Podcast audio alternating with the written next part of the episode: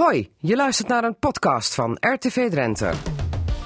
Cassata, Margriet Benak. Het is zaterdag 12 oktober 2019. Goedemiddag allemaal, dit is een Cassata-aflevering 1066 alweer. Over de zin of onzin van de Drentse Regenboogweek. Gerdien Verschoor praat ons bij over haar eerste 100 dagen als directeur van herinneringscentrum Kamp Westerbork. En wat kunnen we allemaal leren van het Boerenburgerboek dat komende week verschijnt. Het Radioforum bespreekt het nieuws van deze week. En speciale tafelgast is vandaag fotojournalist Sake Elsinga uit Assen. Hij zit maar liefst 40 jaar in het vak, maar doet afstand van duizenden van zijn kindjes. Cassata, Margriet Benak. Radio Drenthe. Ja, u heeft het vast allemaal wel gezien. De regenboogvlaggen die wapperen weer sinds gisteren in Drenthe. Want, jawel, het is weer de Drentse Regenboogweek. En dan zijn er speciale activiteiten rond lesbiennes, homo's, biseksuelen en transgenders. En volgens mij mis ik dan nog intersex, of niet? Henk Nijmeijer. Seks, Aseksuelen. Asex, och, het wordt steeds langer. De, dus LHBT, dat is eigenlijk al uitgebreid. Maar goed, het doel eh, hiervan is, van die regenboogweek, is sociale acceptatie van de LHBTIA-gemeenschap, plus geen discriminatie. Maar eh statenlid Hendrikus Velzing van Forum voor Democratie, die zelf homo is, die voelt zich juist gediscrimineerd door die regenboogweek. Want? Dat klopt. Eh, kijk, ik vind dat, dat wij als homo's dan in een aparte groep ge- gezet worden. En voor mij is eh, artikel 1 in Nederland is leidendgevend. En dat is genoeg voor mij. En dat draag ik ook iedere dag uit. Leg even uit, artikel 1, want dat staat Dat niet is, iedereen nou, voor de geest. Nee, dat is dus de, tegen democratie, de, tegen discriminatie en iedereen is gelijk. Kijk, je hebt ook geen dag van eh, mensen met, eh, of een week voor mensen die allemaal rood haar hebben. Die groep zet je ook niet apart, maar wel een gezellige je dag. hebt een gezellige Day. dag. Je hebt Red een gezellige dag en dat ben ik, vind ik ook heel goed. Ja. En, en wij hebben de Raid, maar waar wij, waarom wij een week eh, extra moeten hebben in deze tijd. Ja, in de jaren tachtig, eh, toen wist ik ook niet waar ik eh, naartoe moest. Er was ook niks bekend. Maar nu google je twee woorden, eh K, contact. En je hebt mensen waar je mee kunt praten op allerlei niveaus. Dus het is totaal achterhaald. Oké, u voelt zich dus gediscrimineerd, zeg maar, door die regenboogweek. Zometeen gaan we daarover uitgebreid in discussie. Want statenlid Henk Nijmeijer van GroenLinks en grondlegger van de Drentse regenboogweek, die zit hier ook. Want u bent het even heel kort niet eens met uh, Henrike Svelsing. Nou, nee, niet de manier waarop hij het uitlegt. Nee. Nee, goed. eh, we gaan het zo meteen hebben over de weg er naartoe van die sociale accept- acceptatie van de LHBT-gemeenschap. Want er is zoals altijd een tafelgast in Casata. En dat is vandaag Zaken Elsinga. Die is bekend als eh, fotograaf en fotojournalist. En hij zit 40 jaar in het vak. En dan zeggen wij hoera, hoera.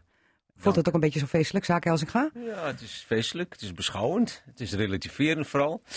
Ja, ik eh, ben eigenlijk 40 jaar fotojournalist, maar ik werk eigenlijk al 43 jaar als fotograaf. Maar eigenlijk ben ik in 79 begonnen met het Noord-Nederlands Fotopersbureau. En dat was eigenlijk wel het begin van mijn carrière als Ja. fotojournalist. Ja. Om meteen maar even met de deur in huis te vallen. Wat is in die 40 jaar de allermooiste? Ja, dat is, dat, is niet, dat is niet te zeggen. Nee? Nee, nee, nee, nee. Ik ben elke keer, vooral nu, kijk ik in mijn archief en dan denk ik van, ah, dit is mooi, oh, dit is mooi. Ik ben bijna 60% vergeten. Dus het hele visuele geheugen ben ik blij dat ik dat nog op negatief heb. Zodat ik toch nog weer eh, een beetje kan eh, reflecteren naar vroeger. En dan zie ik soms dingen die denk wauw, die zijn gewoon mooi. Maar die zijn mooi geworden, net als wijn, die heel lang ligt, die in één keer lekker te smaken, zoals met de foto's ook. Ja, maar ik had verwacht dat je wel zou zeggen van, nou ja, die prijswinnende foto van de World Press foto, eh, tweede prijs. Ja, nou ja, die... die, die Leg die even een- uit, want de- welke de foto was dat? Ja, de eenbenige, eenarmige hoogspringer, Andreas Siegel, die 1,76 springt tijdens de wereldspelen met de Forspri Flop achterbaats. Ja, dat is natuurlijk een topper, dat is een icoon geworden, maar... ja, Gemaakt tijdens de Wereldspelen voor gehandicapten Ja. in Assen toen. Ja, dat is volgend jaar 30 jaar geleden. Ja, Zo lang alweer. ja, Ja. ja. 30 jaar geleden zo'n mooie prijs. Ja, En daarna ging natuurlijk de carrière alleen maar opwaarts. Eh, ja, in principe wel. In principe wel, maar aan de andere kant was het ook wel af en toe wat remmend. Hè? Dat mensen dachten van nou, die is er wel en die hoeven we niet meer te vragen. Maar ik heb, eh, ik heb daarna nog hele mooie andere dingen mogen doen. Oké. Ehm, je noemt jezelf fotograaf en fotojournalist. Wat Ja. is het verschil? Nou, eh, fotograaf is fotograaf algemeen. Ik ben daarnaast ook naar beeld- en fotograaf, maar dat klinkt arrogant. Maar dan maak ik hele andere dingen. Ik maak altijd wel onderscheid tussen een fotojournalist en een persfotograaf. Maar dat is dan mijn eh, verschil. Hè? Dus ik vind een fotojournalist, die gaat eigenlijk naartoe. Die kijkt.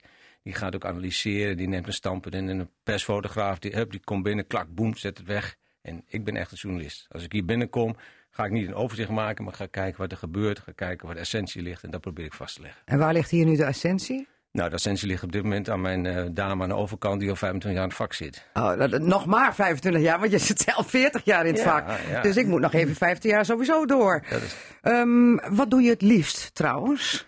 Nou, dat is de laatste tijd maak ik, eh, vind ik portretten leuk. Ik, maak, ik heb net ook een nieuwe serie gemaakt over de spraakmakende vrouwen in Drenthe. En dat maak ik dan met een hele oude camera. Of Een camera van 60 jaar oud. Ik heb jou trouwens niet langs gehad. Nee, nee, maar ja, de keuze is niet aan mij. Hè. Ik, dit was een opdracht. Kijk, als het mijn keuze zou zijn, dan zou ik het zeker doen. Ah, grapje. Bah, wat een Ja. zelfbevlekking. Ehm, je hebt veel nieuwsfotografie gedaan. Eh, ook, ik ken jou, want we kennen elkaar al jaren. Want ik werkte vroeger voor de krant. En dan, nou, dan ging jij ook foto's maken destijds voor ehm, ja, de Drents Groningse pers. eh, eh, eh, Dagblad van het Noorden, eerder Nieuwsblad van het Noorden.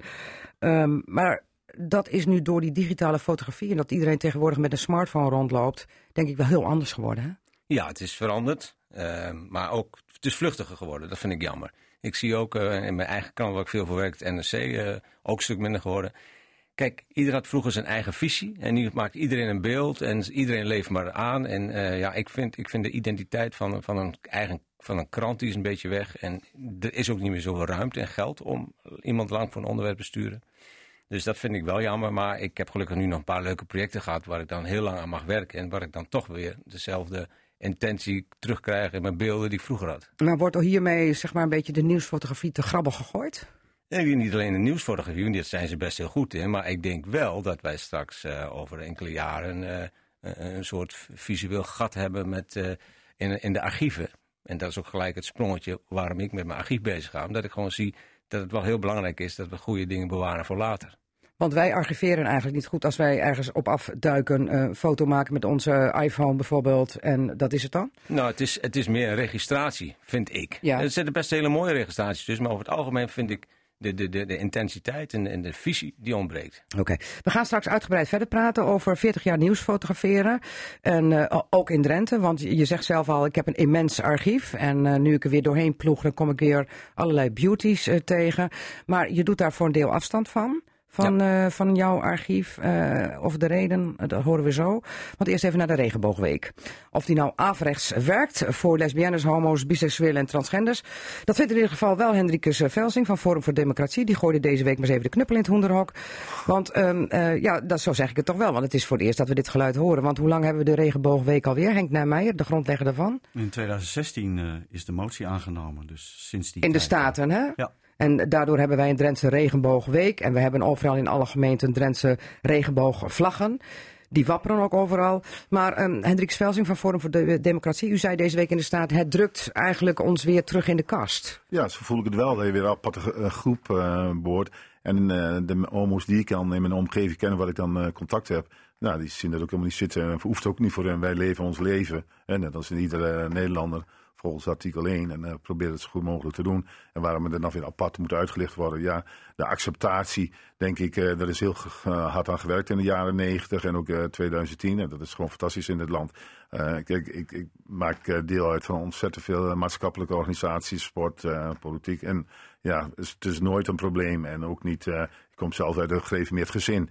Ook niet toen ik uit de kast kwam. Ik ja, wat leg even uit, hoe, hoe, hoe ging dat bij, uh, bij nou, u? Ik was uh, 26, ben ik naar de dominee een paar gesprekken mee gehad. En die heeft bij mijn ouders verteld, tot ik uit het werk kwam, net ervoor. En toen dacht ik, nou ja, misschien stuurt ze mij thuis wel uit. Ik weet het ook niet. Maar, uh, maar u, u, vertelde het niet aan uw ouders, maar aan de dominee. Ja, de gereformeerde do dominee. Ja, en de, do ja, en de dominee is, heeft gesproken met mijn ouders, smiddags. En zo afgesproken dat ik thuis kwam, dat, dat het verhaal dan verteld was. Ja. Dus, want, ik, had heel want u durfde het zelf niet aan uw ouders te nee, vertellen? dat was, vond ik wel heel moeilijk. Maar het eerste wat mijn vader zei van, je had toch niet gedacht dat ik je thuis zou uitsturen. En toen, dus, mijn moeder heeft de eerste drie maanden wel moeilijk mee gehad, mijn vader niet. En uh, daarna was het gewoon fantastisch. En ik ben uh, bij de kerk heel goed geaccepteerd, opgevangen, ongelooflijk goed zelfs. Ik ben uh, voorzitter van de jongerenvereniging geweest. Ik, ik heb zes jaar tienerclub heb ik geleid. En de ouders die wisten het ook allemaal. Ze hebben mij gevraagd voor jeugdouderling, hebben ze mij voor gevraagd. Dus ik, voor de kerk heb ik heel veel aan te danken. En dus die acceptatie, wat ik nu merk, nou die is er gewoon overal met klanten. Ik heb 40 medewerkers. Ik heb echt nooit problemen. Ja, je wordt wel eens lastig gevallen door, door homo's die dan met je willen praten over problemen. Ja? Ja. Dus dat is Oké. het enige. Maar, Maar het is- voor- wordt voor nooit u- nagescholden in het dorp. Of, eh, nee. Maar u gaf deze week zelfs aan dat u zich weggezet voelde als groep door die Eh, regenboogweek. ja, dat vind ik wel. Met dat de is, klinkt heel negatief. Dat klinkt heel negatief. Kijk, als ze dat willen organiseren, oké, maar de, de reden, acceptatie. Ik zeg al net, ze hebben een app. En ik wil niet in een aparte groep ge- gedrukt worden. En dat voelt wel zo. Je voelt door die regenboogweek eh, dat er toch weer een stempel opgedrukt wordt. Ja, ja. En dat Dat is vind ik niet nodig. en, en dat voelt niet fijn. Nee. Oké. Henk Nijmeijer, de grondlegger van die regenboogweeg. Leg eens uit waarom eh Henrik Svelsing dat toch verkeerd ziet dat het niet nodig is. Nou, ik, ik, ik vind het heel, heel goed dat Hendrikus eh, aangeeft dat het voor hem geen probleem is geweest. En dat de acceptatie. En dat hij in een omgeving zit waarin het klaarblijkelijk geen probleem is. Maar hij heeft mazzel gehad. Nou ja, ik weet niet of Massa gehad, maar zijn sociale achtergrond of zijn sociale omgeving heeft het allemaal makkelijk kunnen, kunnen accepteren. Eh, hoewel ik ook wel enige terughoudendheid bijvoorbeeld op 26 jaar uit de kast komen. Ik heb het zelf natuurlijk meegemaakt. Ja, hoe oud was u? Ik was 24. Ja, iets jonger uitkwam. dan? Ja. Iets jonger, maar eh, ja, ik Hoe was lang liep u er al mee rond? Nou, mijn hele leven. Oké. Maar ja, van mijn Ja. bewustwording. Ja, klopt. Ja, dus eigenlijk is het best wel laat hoor. Ook 26 jaar, Voor die tijd 24 was het, jaar. nog wel, eh, Nou, kijk, laten we even weer teruggaan naar, Ja. na- na- naar waar we mee bezig was. Kijk, maar er, is, er zijn natuurlijk heel veel verhalen bekend. eh, waarin mensen heel moeilijk uit de kast kunnen komen. En Hendrikus heeft het voornamelijk over homo's. eh, maar we hebben het natuurlijk ook over transgenders. Men- mensen die geboren zijn in een vrouwenlichaam en zich man voelen of Ja. andersom. Mhm. Nou, die, die staan voor hele andere problemen. En daar richt de regenboogweek zich ook op. Het gaat natuurlijk over die sociale acceptatie in de totale breedte. Het gaat om erbij willen, eh, erbij kunnen zijn en, er- en een veilige omgeving kunnen zijn waarin je ja, ook veilig voelt. En ik kan, met alle respect, nog steeds niet hand in hand lopen met mijn man op straat. Althans, zonder dat ik een drempel over moet. Eh, Nou, maar ligt die drempel dan bij u? Ja, Eh, of ligt die, heeft u het idee van eh, ik word niet geaccepteerd? Nee, het heeft ook te maken met die veiligheid om je heen. Ehm, en ik, ik denk dat daar. Want heeft u het wel geprobeerd? En bent u dan ja. beschimpt of Ja. uitgescholden? Ja, ja, Ja. beschimpt. Ja. Ja, hier in Drenthe. Hier in Drenthe, Ja. dat klopt. Dus dat geeft aan dat die acceptatie er helemaal niet is. Nou, dat zeg ik niet. Ik, ik, ik denk dat de en daar heeft Hendrikus natuurlijk ook wel een punt. Op zich zien we wel dat die acceptatie eh, eh, groeiende is. Eh, alleen, ja, dat geldt nog niet in de totale breedte. Als ik ook kijk naar sportverenigingen, als ik ook op een zondagmiddag in, eh, op, een- op een sporttribune zit en, en er wordt nog steeds fel vanuit de tribunes geroepen, hey, vuile homo en dat soort zaken, dan denk ik, nou, daar zijn we er nog lang niet. Hm. Dus we hebben, we hebben nog een hele weg te gaan. Maar hoe draagt die Drentse regenboogweek nu bij aan die sociale acceptatie? Want er zijn ook mensen die tegen mij zeggen: ach ja, dit is toch eigenlijk meer een onderling feestje voor bijeenkomsten, voor de mensen eh, die elkaar dan opzoeken, die al tot die LHBGT-gemeenschap eh, behoren. Ja, je lacht nou, want ik struikel elke keer over. ik- ik vind- ik vind de, groep, geweldig, de ja. doelgroep bedoel Nou, ik dan. Precies, we kunnen misschien beter hebben over genderdiversiteit, want dat is tegenwoordig de nieuwe kreet die daarvoor geldt, omdat we struikelen over al die letters. Ja, Hoewel het ook niet volledig de, vlag, de lading dekt. Maar ja, ja nee, dat, dat is, eh, daar moeten we ook eh, echt. eh, kijk, alleen dit gesprek lost al, al, al, al, draagt al bij tot, tot acceptatie. En ik denk dat juist ook de bedoeling is dat in de regenboogweek allerlei activiteiten worden georganiseerd. waarbij het gesprek op gang komt. ja. En ik, heb, ik roep zelf altijd op van richt je niet te veel op die genderdiverse club, maar richt je vooral op die hetero Maar met wie komt dan het gesprek op gang? Wie komen daar dan? Want komen daar ook mensen die ehm, zeg maar niet tot de gemeenschap behoren? Ja, zeker. Ja, Ja? ja? dat klopt. Ehm, eh, om een voorbeeld te noemen, er is een activiteit geweest eh, van een bibliotheek die, eh, die een schrijver heeft uitgenodigd. En daarbij ehm, een verhaal heeft verteld over kinderen die met twee, twee, twee papa's of twee mama's zijn op, opgevoed. Om dat in een totale breedte eh, neer te zetten in een, socia- in een sociale context. En ja, daar waren heel veel andere gezinnen bij. En daardoor ontstond er toch ook wel weer begrip voor die situaties. Ja, ja. Dus onderling begrip kweken, uh, Rieke Svelsing. Uh, maar per slot van rekening, is het niet fout om een regenboogweek te houden? Nou, het heeft Of ook zegt u zijn- wat, het is, het is zinloos? zinloos, maar het heeft ook zijn eh, tegenkanten. En, eh, toen ik eh, als jongetje in de kerk zat en de dominee die zei van eh, homo is verkeerd en dat is verkeerd. Nou, dan zou ik tien keer met bedenken om even tegen mijn ouder. En en onder het koffie drinken zeggen mijn ouders van, hé, hey, goede dominee. En dat is het nu, nu natuurlijk weer hetzelfde. En als mensen, eh, ouders met kinderen langs zo'n regenboogvlag eh, lopen, hè, bijvoorbeeld immigranten of weet ik het, hè, die er nog wat meer moeite mee hebben. Die zo, ja, en als je daarmee aan, eh, in aanraking komt, dan zwaait er wat. Ja. Ja. Dus dan, dan, voel je het, hè, dat die ouders er een mening over geven en dat die kinderen daarover spreken. En je ziet ook in, in klassen, en je ziet eh, de, de zelfmoorden neemt onder jeugd toe. Nou, dit is geen onderzoek geweest, maar het is wel zo, in klassen waar drie eh, jongens zitten allochtonen en die zeggen van dood aan homo's. En 49 moskeeën in Nederland, waar dan Nederlandse boekjes liggen, dood aan homo's. En dan is er zo'n klas. Nou, dan kom je er niet makkelijk vooruit. Ja. En ik ken eh, jongens uit de tweede generatie hier uit Drenthe, die hier geboren zijn, hè, echt eh, geboren zijn. En ja, die ken ik nu al acht jaar. Maar ja, die wonen gewoon samen met een meisje. Ja, dat is, dat is eh, al, al langer. Maar ze zijn zo homo als de pest zegt. Over Maar- zichzelf. maar- maar dus om- daar denk ik van, ja... Dat, dat- om met elkaar dus eh, in gesprek te gaan. Nee, maar die, die, die ouders die zijn daar niet voor over. Die cultuur, die mensen houden die cultuur en die gaan echt niet over. Dus zou je eigenlijk de regenboogweek binnen de moskee moeten brengen? Eh, bij wijze van spreken. Maar ten eerste zorgen dat die boeken daar vandaan komen natuurlijk. Ja, nou ja, Henk naar mij, reageer daar eens op. Nou kijk, eh, laten we heel eerlijk zijn. eh, eh, de boeken, en, en jij duidt dan met name op die salafistische stroming die, die Ja. er is. Ja, dat kan natuurlijk niet. Dat moet, die, die, die, die boeken moeten gewoon natuurlijk weg. En Trouwens, trouwens, wordt iedere... geroepen door de politiek. Dat, moet, dat kan niet, dat mag niet, dat moet niet. En dat gebeurt niks. Nee, dat is niet waar. Door de politiek wordt dat niet geroepen. De inspectie zegt dat zij op dit moment geen wettelijke grondslag hebben om dat te doen. Dat is wat anders. Dan moet de politiek Maar de direct... politiek, nou, dat, eh, dat vind ik ook. Ik vind ook dat de politiek hier... eh, Maar laten we even breder trekken. We hebben die Drentse regenboogweek. In hoeverre zijn daar moskeeën bij betrokken? Gaat u daar Ja, bewust wij- naar op zoek om, Ja, om, om, Ja, om ja, daar zeker. ook mee in contact te komen? In 2018 hebben we, hebben we ook een eh, interreligieuze bijeenkomst gehad. Waarbij we ook de, eh, de, eh, de moslimgemeenschap hier in Assen bij betrokken hebben. Ja. Ja. En, en werkt dat dan? Ja, want ik weet ook, er is een hele actieve werkgroep ook bij, bij het COC, zowel COC landelijk als in Groningen.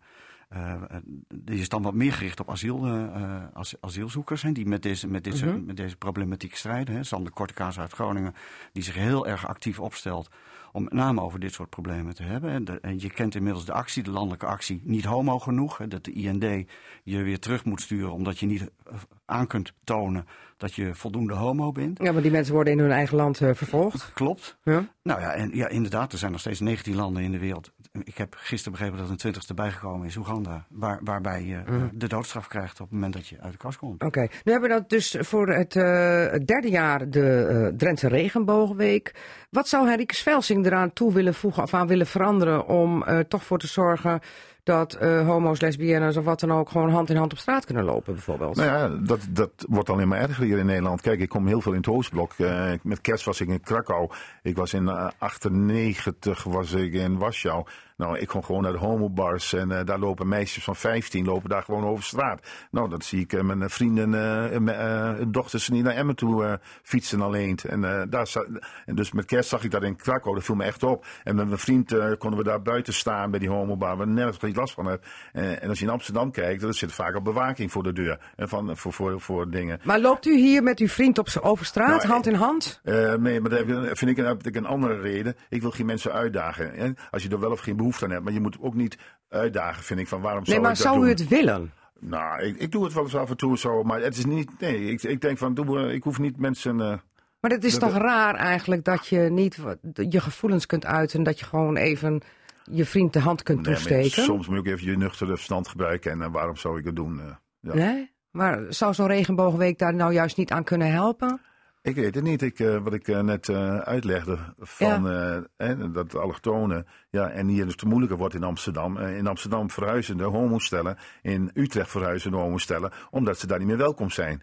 Dat mag, het woord allochtoon mag dan niet eh, eh, benoemd worden, maar dat is wel de grotere Oké, maar reden. u, u- u heeft het nu vooral over allochtonen, maar Henk Nijmeijer begint ook al een beetje te schudden met zijn hoofd. Nee, dat mag niet genoemd worden. Maar het is gewoon de werkelijkheid. Nou, u noemt het wel, maar het is toch Vijf niet... jaar geleden gingen eh, gewoon relaxed in Amsterdam uit. Ja, nu niet. Je kijkt naar links, naar rechts. Als je een vriend bij je hebt die iets verwijst, dan denk ja, durf ik nog naar Amsterdam? Terwijl ik naar, naar eh, Dubrovnik pas geweest met een jongen ben. Mhm. Nou, dan durf ik er dus wel eens een keer iemand mee mijn hand aan pakken. Eh, ik ga naar Zagreb toe. En hij gaat dan ook nog snoepreisjes naar de Baltische Staten toe. Nou, ik ben Wacht een- even. Eh, eh, Henk Nijmegen gaat op snoepreisjes. Ja, dat vind ik. Oké. Het is hier werk genoeg. Wat moet je daar dan homofobie? Oké. Ik was in 2009 in de Baltische Staten. Ik was daar in homokroegen. Nou, er stond geen bewaking voor de deur. En ik kon echt hartstikke leuk uitgaan. Henk Nijmeijer, eh, u bent in, eh, in eh, Litouwen geweest, eh, naar eh, de Gay Pride daar. Heeft er meegedaan eh, aan een eh, discussie daar. Eh, snoepreisje noemt Henricus Velsing het. Nou ja, U de- was daar namens Drenthe, hè? Dat klopt. De provincie Drenthe kreeg een uitnodiging om, eh, om te spreken in de human, eh, bij de Human Rights Conference. Ja? En eh, ja, daar hebben dat, dat, eh, en daar viel mijn naam, eh, om, omdat Ja. ik hier, me hier, het ging over de versterking van de regionale Ja, dat functie. snap ik. Maar u moet niet daar naartoe. Hier is genoeg werk te doen, Precies. zegt Henricus Velsing. Ja, daar ben ik ook mee eens. En daarom, ik span me hier ook in. Maar Ja. als, als ik gevraagd word om dat wat ik hier doe, om wellicht dat het daar toepasbaar is, daarvoor ben ik gevraagd. En daarvoor, eh, en daarvoor heeft ook Hendrikus, want hij, hij was erbij toen we het erover hadden. Ja. En toen heeft hij niks gezegd. Ik vind het nu een beetje vervelend om nu te horen dat er nu een snoepreisje is. Maar ehm, Nou, heb ik ook op Twitter gezegd volgens mij. Oké. Ja. Maar goed, eh, laten, we, laten de beide homo's nou elkaar hier niet de Casata-tent uitvechten. Nee, dat was niet de bedoeling. Nee, niet de nee. bedoeling. Maar ehm, ehm, als je toch naar de kritiek luistert van er is hier genoeg werk te doen. ehm, eh, hoe zou u het dan anders kunnen doen dan alleen bijvoorbeeld met zo'n regenboogweek? Want het is, dat is natuurlijk weer hè, ook geleerd aan de coming out day van, eh, van vandaag. Nou, kijk, van gisteren, sorry. de- we hebben een regenboogmotie aangenomen. En één van de uitwerkingen is een regenboogweek. Ja, En dat gaat natuurlijk veel verder. Het gaat over het totale beleid van de sociale acceptatie. ja. Eh, erg mooi was natuurlijk dat, eh, dat twaalf gemeenten in Drenthe dezelfde motie hebben aangenomen. Ja. Met dezelfde intentie om het beleid, een actief beleid te voeren om die sociale eh, veiligheid van die, van de, en de sociale acceptatie van de, van de LHBTI-gemeenschap in maar- Drenthe te Maar je bevorderen. kunt het kennelijk niet afdwingen bij mensen. Want Nee, moet ook die niet. voelt zich niet veilig. U loopt ook niet met uw eh, man Nee. over straat. Nee. Het is heel, heel jammer dat je het ziet met de jaren 80, 90, dat het nu teruggaat om eh, emancipatie. Hè. We boeren achteruit. We moeten echt achteruit. Als je naar Utrecht en naar Amsterdam kijkt, als je Ja. daar stapt. Terwijl de Oostbloklanden, ja, die, die, Ja. die, die maken die stap. Oké, maar ik- u, u, u gaat naar Amsterdam en Utrecht Ja. en naar de Oostbloklanden in Drenthe? Want daar hebben we het hier nu Ja, over. nou, dat, dat, stel- dat geldt hetzelfde voor. Dat ik dus met eh, mensen praat die eh, uit de kast komen en wel bij mij komen. Maar ook eh, mensen, vooral van de tweede generatie, die hier geboren zijn. Ja, die, die, die zeggen ook, voor ons wordt het ook steeds moeilijker. Hè, omdat een vriendenkring het niet accepteert. Er komen weer nieuwe vrienden bij.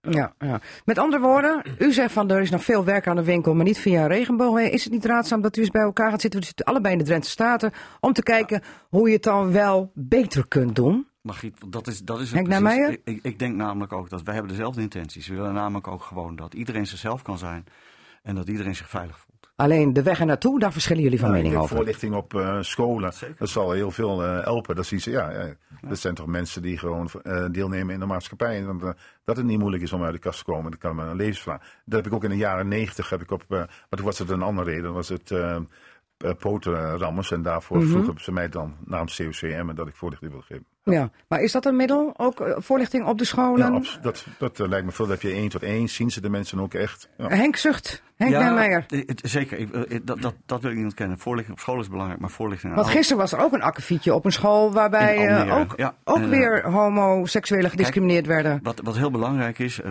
wat, wat ik zelf heb ervaren, ik bedoel, ik, ik heb natuurlijk eh, eh, 21 jaar op school gewerkt. Ja. Eh, ik weet nog in, in een van de laatste jaren dat ik op school werkte, toen kwam een, een moeder bij me en die zegt: Henk, moest luisteren, mijn, mijn, mijn dochter is uit de kast gekomen. Daar heb ik geen probleem mee. Maar is deze school wel veilig genoeg? Is de omgeving waarin ze zit veilig om hiermee om te kunnen gaan? En ik begrijp de zorg van zo'n ouder. En ik denk dat is ook van belang om in de, in de regenboogweek eh, eh, bij stil te staan dat het niet alleen gaat over de doelgroep waar we het over hebben, maar ook alles wat er in die sociale omgeving van de. En dat geldt ook voor sportverenigingen. Oké. En wat doet, de, wat doet de Regenboogweek daar dan verder aan als het gaat om sportverenigingen en scholen? Staan die ook op het programma om daar iets mee te doen? Nou, dat, dat, dat kan wat mij betreft nog wel veel verder uitgebreid worden. En we staan nog in de kinderschoenen in de ontwikkeling van de regenboogweek. Volgens mij moeten deze beide mannen maar eens even een eh, middagje aan tafel gaan zitten om eens eh, met elkaar te praten over hoe het nu beter kan. En eh, verder kan gaan dan alleen de Regenboogweek. Is dat nog goed advies, uh, Velzing? Eh, dat is zo. En ik denk dat eh, GroenLinks eh, landelijk zeker moet nadenken over de immigratie. Want dat is toch een groot eh, punt. Daar En, hebben we eh, het hier nou niet over. nee, we gaan geen partijpolitiek bedrijven dat van is- Henrike Svelzing. Dat is wel de basis. Goed, nou, volgens mij liggen. moeten jullie maar eens even lekker met z'n tweeën over die basis gaan eh, lopen knokken. Eh, in ieder geval dank ik u voor de discussie over de Drentse Regenboogweek. De zin en onzin daarvan. Hendrike Svelzing van Forum voor, voor Democratie in de Staten. En Henk Nijmeijer van GroenLinks in de Drentse Staten en grondlegger van de Drentse Regenboogweek. Cassata. Cassata. Margriet Benak. Ja, haar eerste 100 dagen die zitten erop als directeur van het herinneringscentrum Kamp Westerbork. En na die 100 dagen gooide Gerdien Verschoor maar eens even de, flink de knuppel in het hoenderhok. Want niet alles kan meer bij Kamp Westerbork. En dat leidt tot pijnlijke beslissingen voor eh, sommige theatermakers. Gerdien Verschoor, welkom. Goedemorgen. Goedemiddag is het al, hè? Goedemiddag. Ik wou net zeggen, een beetje goed geslapen wel. Ik heb heerlijk geslapen. Ja? Ja. Niet, eh, niet gedacht na gisteren en alle commotie van, oh, oh, oh, waar ben ik aan begonnen? Wat heb ik nu toch gedaan met het eh, schrappen van twee theatervoorstellingen bijvoorbeeld? Nee hoor, nee, nee, nee. Nee? Oké, we praten straks eh, verder over eh, die beslissing en over Ja. de toekomst van het herinneringscentrum Kamp Westerbork. Maar fijn dat u in ieder geval hier bent. Ehm, want speciale tafelgast is Zaken Els. gaat trouwens ook heel goed bekend met het herinneringscentrum Kamp Westerbork. Want in jouw 40-jarig bestaan als eh, fotograaf en fotojournalist ben je de afgelopen jaren volgens mij ook niet weg te slaan geweest bij het herinneringscentrum. Ik denk al zo'n dikke 35 jaar. Ja, ja. En ook eh, zeg maar als een beetje als een huisfotograaf. Een beetje. Nou, ik ben een huisfotograaf. Tenminste, Ja. zo, zo, werd ik genoemd. Dus eh, dat, eh, zo voel ik me ook nog steeds. Ja. Bij allerlei activiteiten ook aanwezig geweest, Alles. herdenkingen. Ja. Ja. ik kan niet zo gek bedenken of eh, ik was er wel bij. En eigenlijk zowel in binnen als buitenland. Dus Ja. is- Altijd indrukwekkend weer, ook zeg maar de het jaarlijkse wordt elk jaar wordt het, eh, elke keer wordt het, eh, komt er een verdieping bij. Ik weet niet of het er ligt dat, dat ik ouder word, maar de verhalen komen gaan steeds dieper in de huid zitten. Ja, Ik heb nu een paar keer al gehad dat ik dacht van, oh jee, ik word nu echt een oude man. Want de tranen komen nu in de ogen, ik moet fotograferen. emotioneler word je Ja, ervan. ja, Ja, dat begint al op het moment dat je zelf vader wordt, denk ik, of niet? Eh, ja, dat is een van de veranderingen. Ja. ja. ja. Ehm, nou ben je 40 jaar eh, in het vak als eh, fotograaf. En ineens zit je ook midden in die 40 jaar. Dat zei je net al aan het begin, omdat je ineens weer foto's voorbij ziet komen in jouw archief. Want waar ben jij nu druk mee bezig? Ja, ik zal heel kort uitleggen. Dus eh, kijk, eh, niet om dramatisch te doen, maar vorig jaar was het toch wel een, een, een dingetje. Hè? Dus mijn vader, moeder en mijn, en mijn zus kwijt. Dus dan ga je het leven ga je opnieuw indelen voor jezelf. Je bent met herinneringen bezig. Nou, 40 jaar komt eraan. Dit jaar hoop ik 60 te worden. En op een gegeven ogenblik zat ik ook met mijn archief. En eh, daar ben ik een beetje in gaan grasduinen, omdat ik wat dingen uit eh, de familie terug wil halen. Maar op een gegeven moment kwam ik zoveel tegen. Ik denk, ja, dit moet nu. Ik ben nu nog redelijk eh, eh, helder van geest. Dit moet nu. Nou, redelijk helder, helder. Dank u wel. En dit moet nu echt wel een, een plek krijgen, want het is straks onoverzichtelijk voor mij. Want er komt steeds meer bij. En omdat ik heel veel voor het Drentse Archief werk, kwam ik erachter dat een Drentse Archief, dat staat al een hele tijd op zwart. En zwart wil zeggen dat ze een probleem hebben met eh copyrights van fotografen, enzovoort, enzovoort. Toen dacht ik van, nou, eh, als ik het dan zo doe, ik ga een project verzinnen, heel klein beetje subsidie gehad van de gemeente en de provincie. Wel een kwart, want ik moet nog drie kwart erbij om te doen. Maar dat ik de tijd heb die er aan kan besteden om het te gaan digitaliseren. En dan ga ik als tegenprestatie al die foto's van over Assen en Drenthe, zeg maar, die ga ik dan doneren aan het Drentse. En die kunnen zij dan gebruiken en die kan iedereen gebruiken. Dus Margriet Benak kan op een gegeven moment ook kijken van, goh, ik was toen en toen daar, oh sta ik erop, oh die foto vind ik ook leuk. Nou, en zodoende ga ik nu ook ieder negatiefje belangen. Dus bij het inschieten van de film kom ik ook zeg maar de pareltjes tegen. Vandaar die vierkante ogen.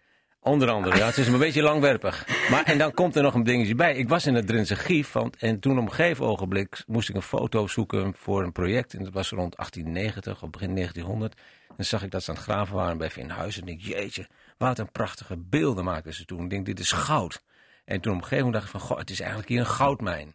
En zo is bij mij de balletje gerold. Ik denk van, nee, zilver is de fotografie. En de analoge fotografie, film, daar zit het zilver. Het zilver wordt eh, gevoelig gemaakt enzovoort enzovoort. Daarom noemen ze ook nog de dingen als zilverprints. Toen dacht ik van nee, het is de zilvermijn. En ik haal goud uit de zilvermijnen van Drenthe. En een van die zilvermijnen Drenthe is mijn analoog archief. Oké. En vandaar dus de titel van dit project en ook een boek wat uit gaat komen volgende maand, november, als het goed is. De Zilvermijnen van Drenthe.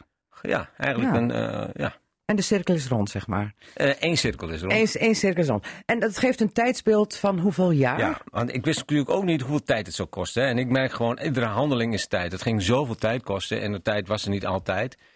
Mooie beeldspraak eigenlijk. En op een gegeven ogenblik hebben we besloten van, weet je, we hebben, ik heb nu al iets van 4.000, 5.000 beelden. Ehm, we gaan over de jaren 80. En dat was wel een hele bijzondere periode. Dan zie je ook de meeste veranderingen. Dus we gaan over de jaren 80 gaan we nu een boek maken. En dat kan op tijd klaar zijn. Dus dat eh, zal eind november zal dat eh, klaar zijn. Het gaat dan over eh, de veranderingen. Maar gewoon ja, het is, het is echt, echt heel mooi om te zien. De jaren 80 van Drenthe verbeeld in de zilvermijnen van Drenthe. Ja, dat wordt wel heel moeilijk. Ja, ik, ik noem nog steeds goud uit de zilvermijnen van Drenthe. Goud Ehm, uit de zilvermijnen van Drenthe. Ja, want die goud dat staat voor de gouden momenten. Hè? Maar iedereen Oké. denkt, oh, dit is fantastisch. Er waren niet allemaal mobieltjes. Er stonden er gewoon honderden mensen op het Koolmansplein te demonstreren tegen een kernwapen. Niemand had een camera bij zich.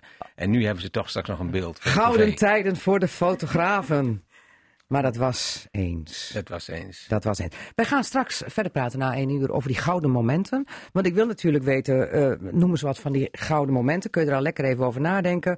Want uh, Gerdien Verschoor die zit hier eh, natuurlijk niet voor niks. Haar eerste honderd dagen zitten erop.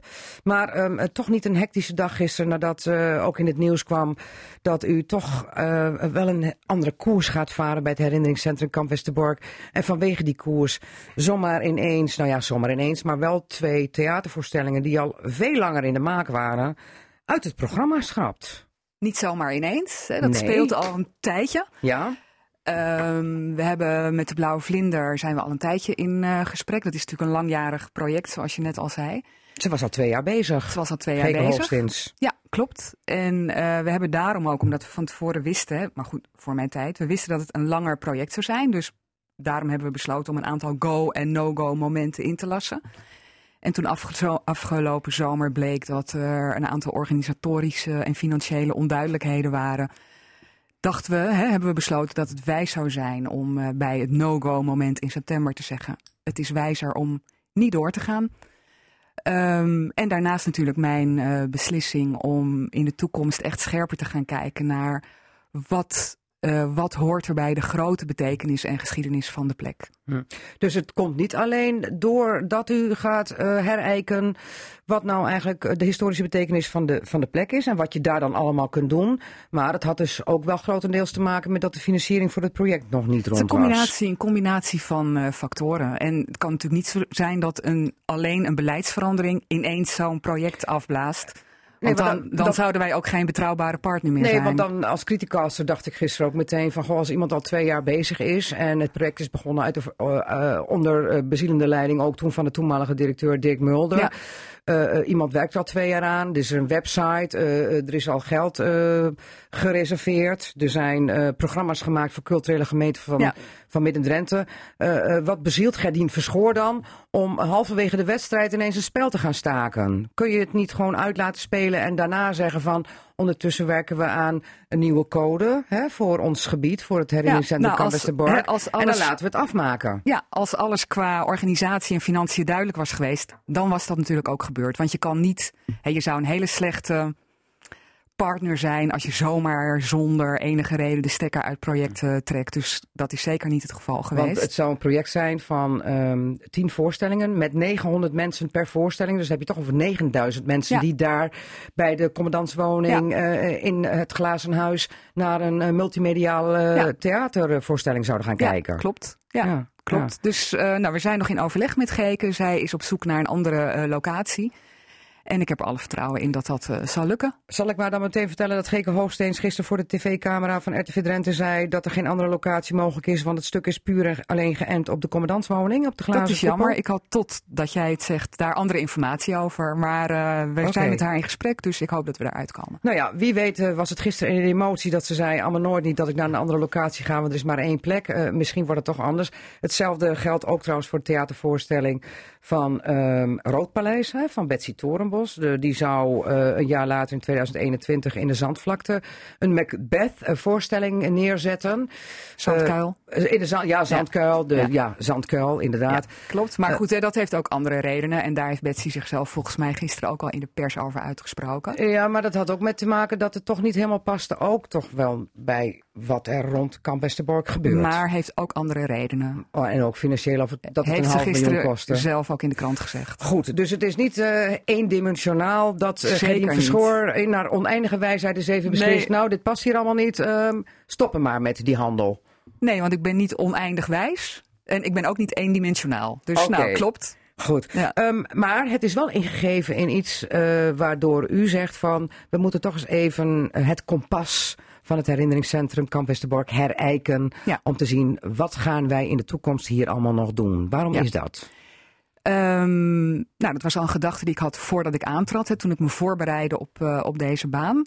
En de laatste honderd dagen, mijn eerste honderd dagen, heb ik gesproken met heel veel mensen natuurlijk. Met, Maar eh, waarom was het een gedachte toen u, voordat u kwam? Omdat ik vind dat Kamp Westerbork en de plek zo belangrijk is en zo'n enorme geschiedenis heeft. Ik denk dat het heel belangrijk is dat je die geschiedenis juist nu, juist nu ook steeds minder mensen, minder jongeren weten wat daar precies is gebeurd, dat je die geschiedenis moet blijven vertellen. En daar wil ik op focussen. Ja, maar dat gebeurt nu toch ook altijd al? Dat gebeurt altijd al, ja. En daarom wil ik niet dat er de komende jaren dingen gebeuren die niet direct met de geschiedenis daarvan te maken hebben. Want had u dan het idee al voordat u daadwerkelijk aan de slag ging... ehm, dat dat toch wel te veel gebeurde dan eh, daar bij het Nee, ik denk dat het hele goede keuzes eh, zijn geweest. Ehm, ik, hè, ja, ik kom zelf uit de culturele wereld, Ja, dus ik vind het bent heel... van origine ik kunsthistoricus. ben van, precies, en ik kom uit de museale wereld. Ik ben ook schrijver. Ehm, dus ik weet hoe belangrijk het is dat je door cultuur, literatuur, de geschiedenis vertelt aan andere generaties. Hè, dat, dat Hm. staat voor mij als een paal Ja. boven water. Maar ik wil wel heel graag die vervlechting met de geschiedenis van Westerbork daar heel duidelijk in naar voren laten komen. Ja. Maar werd er dan nu te vaak gekeken van, goh, eh, mooie plek, interessante plek, eh, daar wil ik iets gaan doen. En dat dan het, eh, eh, het uitgangspunt van iets gaan doen uiteindelijk een, een soort link werd gezocht met het herinneringscentrum Kamp Westerbork of met de geschiedenis van Kamp Westerbork. Ja, dat kan. Ik weet niet hoe dat in het verleden is gegaan, maar ik wil dat op een andere manier gaan doen. In En die andere manier is? is een rechtstreeksere verbinding met de geschiedenis bij alles wat we doen. Ja. Een rechtstreekse verbinding met wat daar gebeurd is. Ja. U gaat een ethische code maken. Ja, Ja. klopt. Wat moet ik daar dan precies onder verstaan? Een beschrijving van het belang van de plek, van de betekenis en de gelaagdheid van de plek en hoe wij daarmee omgaan. Ja. En ook hoe we heel graag zouden willen dat onze bezoekers daarmee omgaan. En Westerbork is natuurlijk niet een plek waar je dingen kan verbieden. Dat hoort ook niet bij onze geschiedenis. Dus er staan om die reden, en dat vind ik ook altijd een hele goede beslissing van eh, Dirk Mulder, mijn voorganger. Er staan geen verbodsbordjes op ons terrein. Eh, maar we vinden het toch ingewikkeld, bijvoorbeeld als mensen over het kampterrein heen fietsen. Ja. Ehm, en we gaan dingen niet verbieden, maar wel proberen mensen te nudgen, bezoekers hè, te verleiden om te kijken naar ja, wat is deze plek en wat doe je hier wel en niet. Een soort handboek. Hoe kun je ouders ervan overtuigen dat kinderen niet op de wagons gaan klimmen? Hè, dat, ja, Ja. dat willen we niet meer. Omdat dat toch een soort schending is van Ja, het... eh, Het is een eh, hele bijzondere Van een plek. heilige plek. Ja, je moet er een met gevoelige plek. waarde en een waardige plek waar Ja. je je ook ja, op een speciale manier moet gedragen. En ik denk dat je daarmee juist kinderen ook kunt leren wat het is. Hè? Door ze ook te laten zien van dit is een gedrag wat bij deze plek past. Ja. Had dat niet al veel eerder moeten gebeuren? Ehm, nou, weet ik niet. Had Nee? gekund, maar je ziet natuurlijk wel in de laatste jaren een, eh, steeds meer discussies rondom deze thema's. Je ziet het ook bij andere musea, het Rijksmuseum, rond- rondom het slavernijverleden, ehm, discussies rondom wat is de Gouden Eeuw. Dus het is wel zo dat die discussies laatste jaar op het scherpst van de snede worden gevoerd. Maar is het in Westerbork vooral niet gekomen doordat er heel veel commotie is geweest rondom de Nacht van de Vluchteling, hè, de wandeling, die verfoeid werd door eh, toch wel eh, eh, Joodse kringen, vooral orthodox, orthodoxe Joden, dat die daar heel erg veel moeite mee hadden. Want het was hun plek, hè? het was hun plek waar ehm, ja, hun ouders, eh, familieleden eh, voor het laatst eh, no- nog waren en vervolgens naar de vernietigingskampen zijn afgevoerd.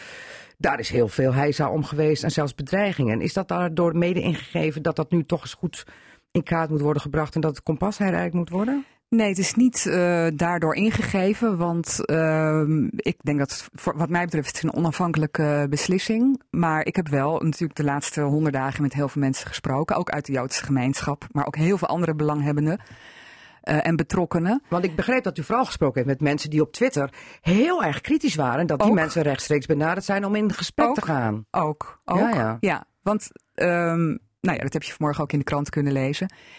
Eh, ik vind het heel belangrijk om juist ook met die mensen in gesprek te gaan. Om te laten zien wat, wie wij willen zijn, het belang van de plek, de pijn van de plek, het verdriet van de plek. En op Twitter ja, zag je heel veel boze reacties die ook mede waren ingegeven door dingen die niet waar zijn. Want die Ehm, mensen, weet ik dan weer, heel veel van die mensen die daar zo kritisch op zijn, die zijn er nog nooit geweest. Precies. En daarom wilde ik ze uitnodigen en Mhm. laten zien: dit zijn wij wel. Wij organiseren geen picknicks in de wagon. Wij weten waar we het over hebben. We denken. we Ja. proberen echt na te denken over eh, wat we doen. En ik merkte tijdens die gesprekken dat, ja, dat je door zo'n gesprek de boosheid Ja. van heel veel van die mensen kan.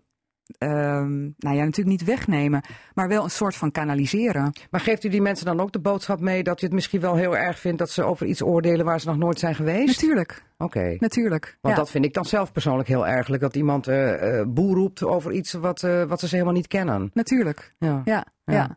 Hoe lastig zijn dat soort gesprekken? Ehm, niet lastig. Ik heb ze allemaal als heel bijzonder ervaren. Omdat je En- namelijk meteen in de verdediging eh, wordt gedrukt, denk ik, in zo'n gesprek. Nee, juist niet. Want eh, ze vinden het heel verrassend dat ze voor een gesprek worden uitgenodigd. Oké. Ehm, ze krijgen een telefoontje. ehm, we willen graag met je praten. Voel je ervoor om eh, naar Westerbork te komen? Dan kunnen we je de plek laten zien. Of zal ik naar jou toe komen? Dan kunnen we ook dat gesprek voeren. Ehm, ja. En dat waren stuk voor stuk bijzondere ontmoetingen en bijzondere gesprekken. Oké. En die uitkomsten van die gesprekken, die worden dan ook, eh, zeg maar, meegenomen in de gedachtegang over die nieuwe ethische code? Nou, wat ik heel interessant vond aan die gesprekken, en ook dat is iets wat ik wel wist voordat ik begon, maar door al die gesprekken realiseer je dat nog meer, dat iedereen zijn eigen Westerbork heeft. En voor iedereen heeft het een emotie, een gevoeligheid, eh, of je nu Joods bent of een kind van 15 die verhalen over de oorlog van opa en oma heeft gehoord, of je Moluks bent, dat is natuurlijk ook een heel Ja. groot deel, een heel belangrijk deel van onze geschiedenis. Ehm, en door al die gesprekken is me dat meer dan ooit duidelijk geworden. En daarom waren die honderd dagen ook heel erg belangrijk en leerzaam voor mij. En op basis daarvan hè, gaan we. Dat heeft ook mede te maken met die ethische code. Want eh, eh, in die discussie eh, had je ook het idee, hè, rondom die bedreigingen toen met de na- Nacht van de Vluchteling, het idee dat de Jo- een, deel van de Joodse gemeenschap het kampterrein gewoon claimde. Van dit is van ons en er mag verder niemand aankomen. Terwijl je natuurlijk ook de Molukse geschiedenis op het kamp nog hebt. Hè? Die is er ook. Ja. Ja. Ja. Ja. Maar dat, dat blijft ook bij Gerdien Verschoor goed even op het netvlies staan, begrijp ik wel. Dat blijft natuurlijk heel goed op het netvlies staan. En er is gisteren heel veel ruis en informatie geweest over voorstellingen die niet doorgaan. Maar hè, we zijn met Anne van Slager natuurlijk wel in gesprek over aan de andere kant. Molukse- Molukse voorstelling. hè, over de geschiedenis Ja. ook van Schattenberg. Ja. Ehm, en ik geloof volgende week hebben we een afspraak met hem en ons team. En gaan we over het kampterrein lopen en kijken van hoe gaat de voorstelling eruit zien? Hoe kunnen we dat gaan doen met de waardigheid van de plek eh, wel te borgen? En, want dat is natuurlijk ook een voorstelling die direct gaat over onze geschiedenis. Ja, ja. Dus eh, even. En nog eh, even over het claimen van het kampterrein. Ja. Ik denk dat eh, we weten allemaal wat een enorm verdriet daar ligt. En ik denk dat je daar ook heel zorgvuldig mee moet omgaan. En dan is het heel makkelijk om te zeggen, de Joden claimen het kampterrein. mhm. Maar er zijn Zo werd het 100, ervaren, hè? er is 107.000 keer een mens, een Mhm. Jood, een Sinti of een Roma weggevoerd uit kamp Westerbork. Daarvan zijn er 102.000 vermoord. Dat is een geschiedenis die nog nooit, gelukkig, eerder in Nederland is vertoond. En waarvan ik ook hoop, waarvan we allemaal hopen dat het Mhm. nooit meer is gebeurd. Dus je kunt wel heel ma- makkelijk zeggen van de Joodse gemeenschap claimt Westerbork. Maar het is ook hun plek. Het is ook de plek waar hun ouders, grootouders voor de laatste keer Mhm. Nederlandse lucht hebben ingeademd. Nederlandse hei hebben geplukt. Lupines niet mochten plukken. Ehm, ja, Dus u zegt eigenlijk daarmee van ze hebben wel recht van spreken. Ja, zeker. Ja, Ja. ja. Eh, eh, de tijd vliegt. Even eh, nog naar een ander plan wat in de koker zat. En dat is het nieuwbouwplan. Want er zijn wat Ja. problemen met eh fladderende vleermuizen die lekker onder het dak van het herinneringscentrum zijn gekropen. En denken, En dit is een mooi plekje. krijgen. Ja. Ja, ja, ja, een grote kraamkamer. En ook daar viel uh, Gerdien Verschoor als nieuwe directeur met de, de neus in de boter, kan ik wel zeggen. Ja, zeker. Maar niet ja. heus. Ja, ja, ja. Die, dat uh, vleermuizenrapport viel een van mijn eerste dagen op mijn bureau. En uh, nou, toen ik het eerst las, dacht ik: oh shit, daar gaan al die plannen. Want het was duidelijk dat we de komende jaren uh, niet kunnen doen. We mogen het gebouw niet aanraken. En dat, die kraamkamer zit juist in een deel van het gebouw dat zou worden gesloopt voor de ja. nieuwbouw. Ja, ja. Ze zijn beschermd, hè? Ja, maar goed, na een dagje slapen, nachtje slapen, dacht ik: uh, wauw, dit is ook een enorme kans. Uh, we zijn nu aan het fondsen werven uh, om een vleermuizenhotel te gaan bouwen. Eh, dat zou verderop in het bos moeten komen staan. Eh, dan moet het dak waar de vleermuizen onder zitten onklaar worden gemaakt. Eh, dus het moet gaan tochten en vochtig worden. Dat vinden ze niet fijn, hè? Vinden ze niet fijn. Dan is het de hoop dat ze gaan migreren. En dan moeten ze nog anderhalve tij, jaar de tijd Komen er krijgen. bordjes in de lucht? Daar is het hotel. Ik ben heel benieuwd hoe ze dat gaan uitvinden. We zullen ze daarbij helpen. Maar het komt u eigenlijk even kort gezegd wel goed uit. Want eh, die verbouwingsplannen die zijn in plaats van 10 miljoen nu ook alweer 13 miljoen eh, geworden. Nou kunt u nog eens even goed nadenken Precies. van wat, wat moeten we nou? Ja, dus voor Want mij... dat er uitgebreid moet worden, dat staat als een dat paal staat boven als een water. paal boven water. En het, ga- ja, het is natuurlijk voor mij ook een cadeau, dacht ik na dat nachtje slapen. Want we gaan nu nog eens naar het begin terugkijken. Eh, hè, wat is er geweldig aan de plannen die er liggen? Wat moeten we veranderen? En het geeft ons vooral ook heel veel tijd om, of meer tijd, niet heel veel tijd, maar wel meer tijd om eh, fondsen te gaan werven. En eh, dat maar gaat eerst lukken. even fonds werven voor een vleermuishotel. Precies. Weer een ander fonds. Precies. Ja, goed. Ehm, eh, nou ja, heel veel mensen denken van... oeh, die Gardien Verschoor na gisteren, die durft. Eh, als de stof is neergedaald, dan blijkt van wie Gardien Verschoor daar als directeur nu daadwerkelijk is. Gaat een nieuwe koers uitzetten. Het gaat goed Ik komen. ga een nieuwe koers uitzetten, maar wel met eh, respect voor wat er de laatste 33 jaar door Dirk Mulder is neergezet. Dat wil ik wel even benadrukken, want het is natuurlijk niet zo dat ik vanaf nul opnieuw ga, ga beginnen. Er is een geweldig herinneringscentrum, er liggen geweldig plan, ge- geweldige plannen, er is heel veel gedaan en dat gaan we niet allemaal overboord gooien. Goed. Eh, met deze laatste woorden van Gerdien Verschoor, voorlopig in ieder geval, eh, althans in Cassata, ehm, is dit eh, het eerste uur van Cassata geweest. Blijf luisteren, tot zo. En eh Gerdien Verschoor, eh goede reis terug naar Deventer. Zutphen, Oh, maar Zutphen, dankjewel. excuus. Dankjewel. Altijd in de buurt. Radio Drenthe. Ja, en die mensen die hier ook nog meer aan tafel zitten, dat zijn de radioforumleden. En ik wist het ook niet dat het eh, vandaag de Farmers Day was, hoor. Dan moeten we de boeren bedanken. Dus eh, hebben we nog een bedankje voor de boeren, Willem Nou, Meeuwsen? bij deze bedanken we ze hartelijk. Oké, en Nico Upperschoten, Ja, kan er nog een bedankje boeren- vanaf? De- zeker. Oké, boeren bedankt. Boeren bedankt. Oké, nou, dat En nog, zullen we steeds, bed- en nog steeds dat ze boer zijn. Oh, Zeker. ja, nou ja, voor hoe lang nog kun je misschien ook nog de vraag stellen. Eh, in ieder geval, eh, het laatste nieuws was vanochtend trouwens dat ze gaan protesteren komende maandag om 12 uur bij het provinciehuis. En eh, misschien eh, krijgen de Drentse boeren dan hetzelfde voor elkaar als dat de Friese boeren eh, vrijdag al hebben gedaan. Namelijk het voorlopige beleid wat de provincies hebben gemaakt qua stikstofregels weer van tafel te krijgen. Maar dat is een heel ander verhaal. Alleen de zaken Elsinga zei meteen toen ik het over de boeren had. Ik weet het nog zo goed. Vertel maar, zaken Elsinga. Ja, als je het over de, ik ben een beelddenker natuurlijk. Als je het over de boeren hebt bij het eh, provinciehuis, dan denk ik van, oh ja, dat was volgens mij ook 89. Stonden ze ook bij het provinciehuis. Gingen ze eh, dingen overhandigen aan Meijer. Daarvoor gingen ze eh, hier. eh, Waar gingen ze dat toen overhandigen? Was dat niet vanwege de vuilverbrander? Mm, Dat zou kunnen. Want ik heb ook zelf kwam een hele serie tegen dat ze bij de FAM waren. Als ze bij de FAM naar binnen gingen. Maar ik heb natuurlijk ook nog Blokkades nog? dat ze met een hele kolonne naar Den Haag gingen. Dat de hele A28 net zo vol zat als eh, een dikke week geleden. Dus toen dacht Dat was van, 30 hoezo? jaar geleden en je Ja. zit 40 jaar in het vak, dus dat kan heel goed. Ja, dan Ja. een van mijn prijswinnende foto's. Dat ik dan vlak bij Staphorst nog met drie dames die daar van onderaf. Maar toen heb ik de hele serie heb ik dus Dus nu. maak even af dat je toen... Nou, dus eh, er staan er drie eh, dames van Staphorst, dan van onderaf gefotografeerd. Ze in de klederdracht en dan zie je zo'n hele grote kolonne met tractoren. Want dat is toch wel een dingetje. Hè? Dus ik had vroeger erbij gezet als bijschrift ehm, tractoren. En want ik had er eerst trekkers, maar zeg van nee, je bent toch echt een Drent, jongen, het is tractoren. En nu kijk ik naar het NOS-journaal en dan zeggen ze trekkers. Ik denk, trekkers, wat is er nu veranderd door de jaren? Waarom is tractoren nu een keer trekkers geworden? ja, Dat is een vraag. ik weet niet, dat bekt beter. Ik weet niet, Ja. tractoren, dat, is, dat, dat klinkt weer zo officieel.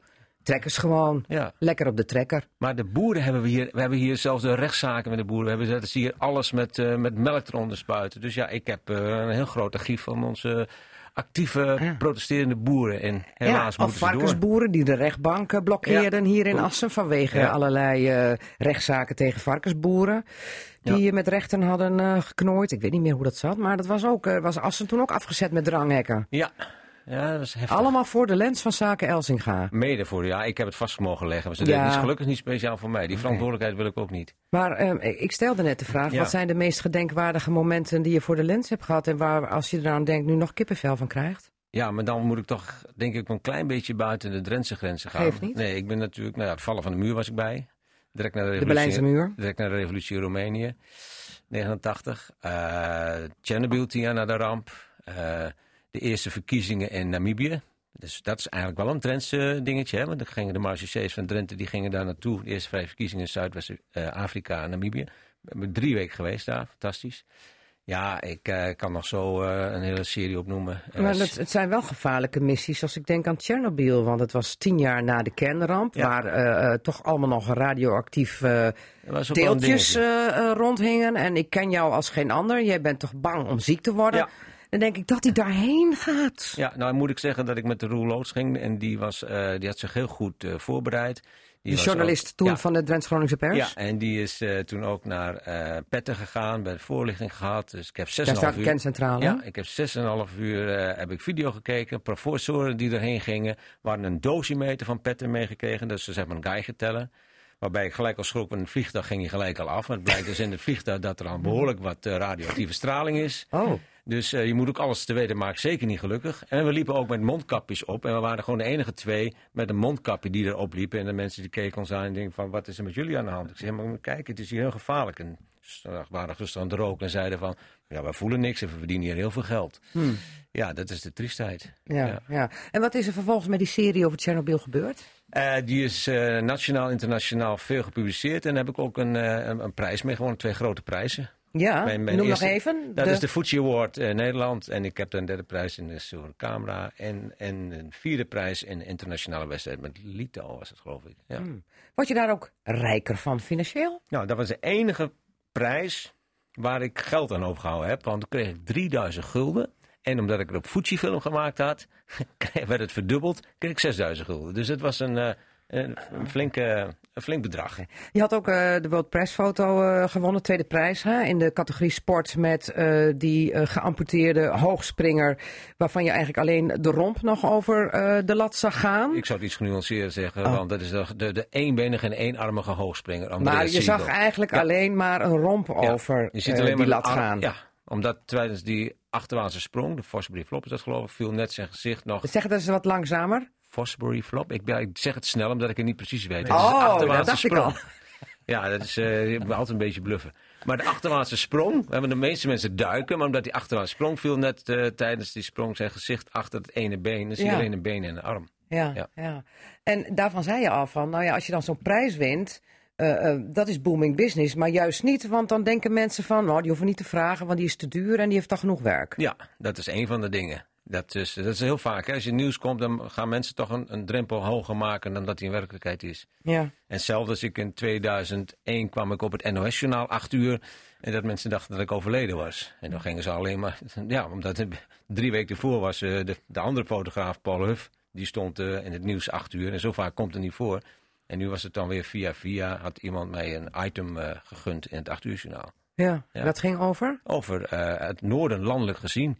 Dus ook over een tentoonstelling die ik dan eh, eh, ja, over het noorden had gemaakt voor het NRC. Oké, en toen dacht men, er is, zaken Elsinga Ja, ja is het niet wordt in één meer. keer op het NOS-journaal omgeroepen. En Zaken Elsinga, dat iedereen schrikt van. Zaken El, dat is niet best. Nee, dat is niet best. maar het gaat heel goed met Zaken Ja. Elsinga. Hij wordt eh, over een maand 60, 40 jaar in het vak.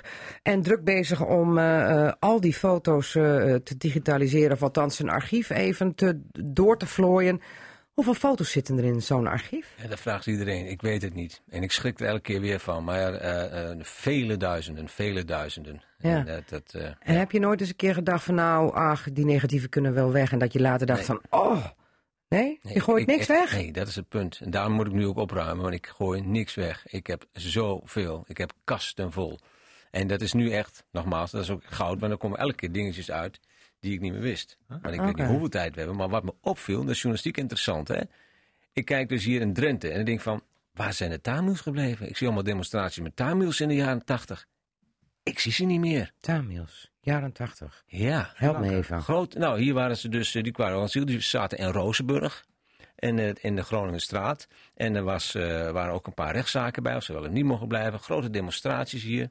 Ik zie ze niet meer. In die tijd werd er veel meer gedemonstreerd. Grote groepen mensen van Amnesty. Die werden dan Al- teruggestuurd, maar het was nog niet veilig. Dat Nee. waren de zogenaamde Tamil-tijgers, toch? Ja, maar goed, al dat soort dingen kom ik tegen. En ik denk, journalistiek ook voor RTV Drenthe is interessant om die onderwerpen eens aan te pakken. Want er zijn zoveel onderwerpen. Mm. Waar zijn de Tamils gebleven? Nou, eh, is één het van de antwoord dingen. teruggestuurd. Eén van de dingen. Ja. Nee, nee, nee, maar gewoon heel veel dingen die ik door de jaren tachtig heen zie, die allemaal veranderd zijn. Zullen we even een afspraak maken? Dat, alles eh, wat jij aan bijzonder interessant eh, nieuws eh, ik denk zit. dat het zeker interessant is. Dan hebben we straks een hele mooie rubriek. Hoe is het nu met? Of hoe Ja. zit het met Ja. de Tamils? Onder andere, maar ook Goed. met anderen. We gaan zo meteen praten over jouw toekomst. Want door de digitale fotografie ook van wij als journalisten die ook met de iPhone worden geacht allerlei foto's te maken. Want alles is eh, hè, op internet, online first. Foto's erop op de apps. Uh, wij maken zelf ook heel veel foto's. Dus wat betekent dat nu echt voor de vakfotografen die met nieuws bezig waren? En betekent dat ook dat zaken Elsiga enorm de bakens heeft moeten verzetten? Maar eerst hoogste tijd voor. Cassata, het radioforum.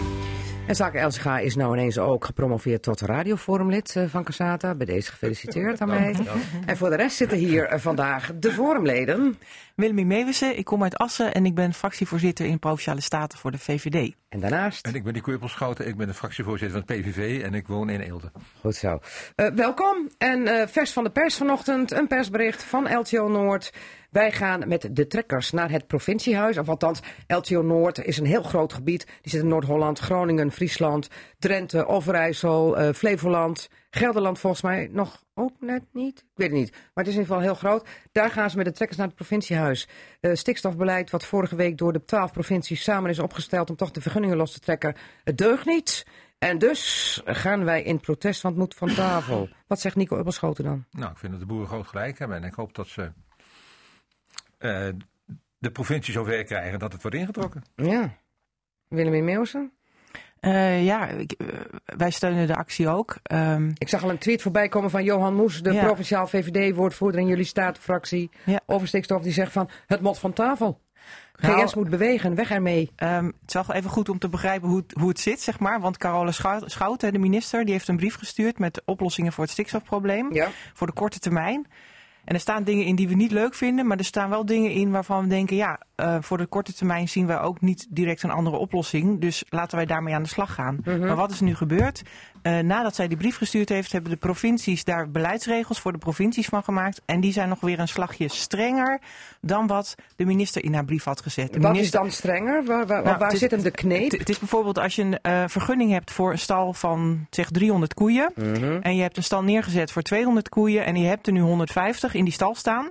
Dan zegt de minister, die vergunning gaat terug van 300 naar 200.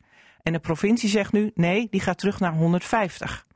Dus die, die 50 koeien die je wel kan plaatsen, want daar heb je gewoon plek voor, maar die je dan nu even niet hebt, die mag je dan niet meer uh, houden. Ik heb uh, woensdag dus bij een uitlegsessie gezeten van gedeputeerde staten. Daar is het anders verteld. Ja, dat heb ik ook bij. Uh, later die middag hadden wij ook een uitlegsessie. Nou, toen was het er ook wel nog, afgerond, maar het was is ook niet... nog een verhaal um, dat het allemaal ook nog veel onduidelijkheid was. En er is ook nog veel onduidelijk. Mhm. Mm -hmm. Dus ik ben ook heel blij dat komende week uh, gaat het IPO, hè, dat zijn de alle provincies samen. Interprovinciaal overlegorgaan. Ja, alle provincies samen, samen weer met de minister om tafel om nog een keer heel goed te kijken naar van wat staat er nou in die kabinetsbrief, hoe is het nou bedoeld.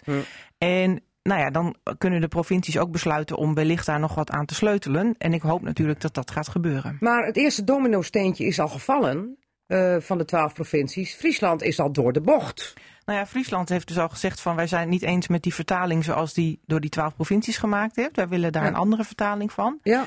Ehm, maar goed, uh, Dus laten hoe we... sterk is het veld nog van de twaalf provincies? Nou ja, maar daarom is het ook zo goed dat de provincies eh, met de minister om tafel gaan om daar nog eens een keer goed naar te kijken. Mm. En eh, nou, wellicht kunnen daar de afspraken aangepast worden. Nou, het motto is, we zijn het zat. Want aanvankelijk zou LTO Noord helemaal niet meedoen met een demonstratie die voor woensdag staat gepland.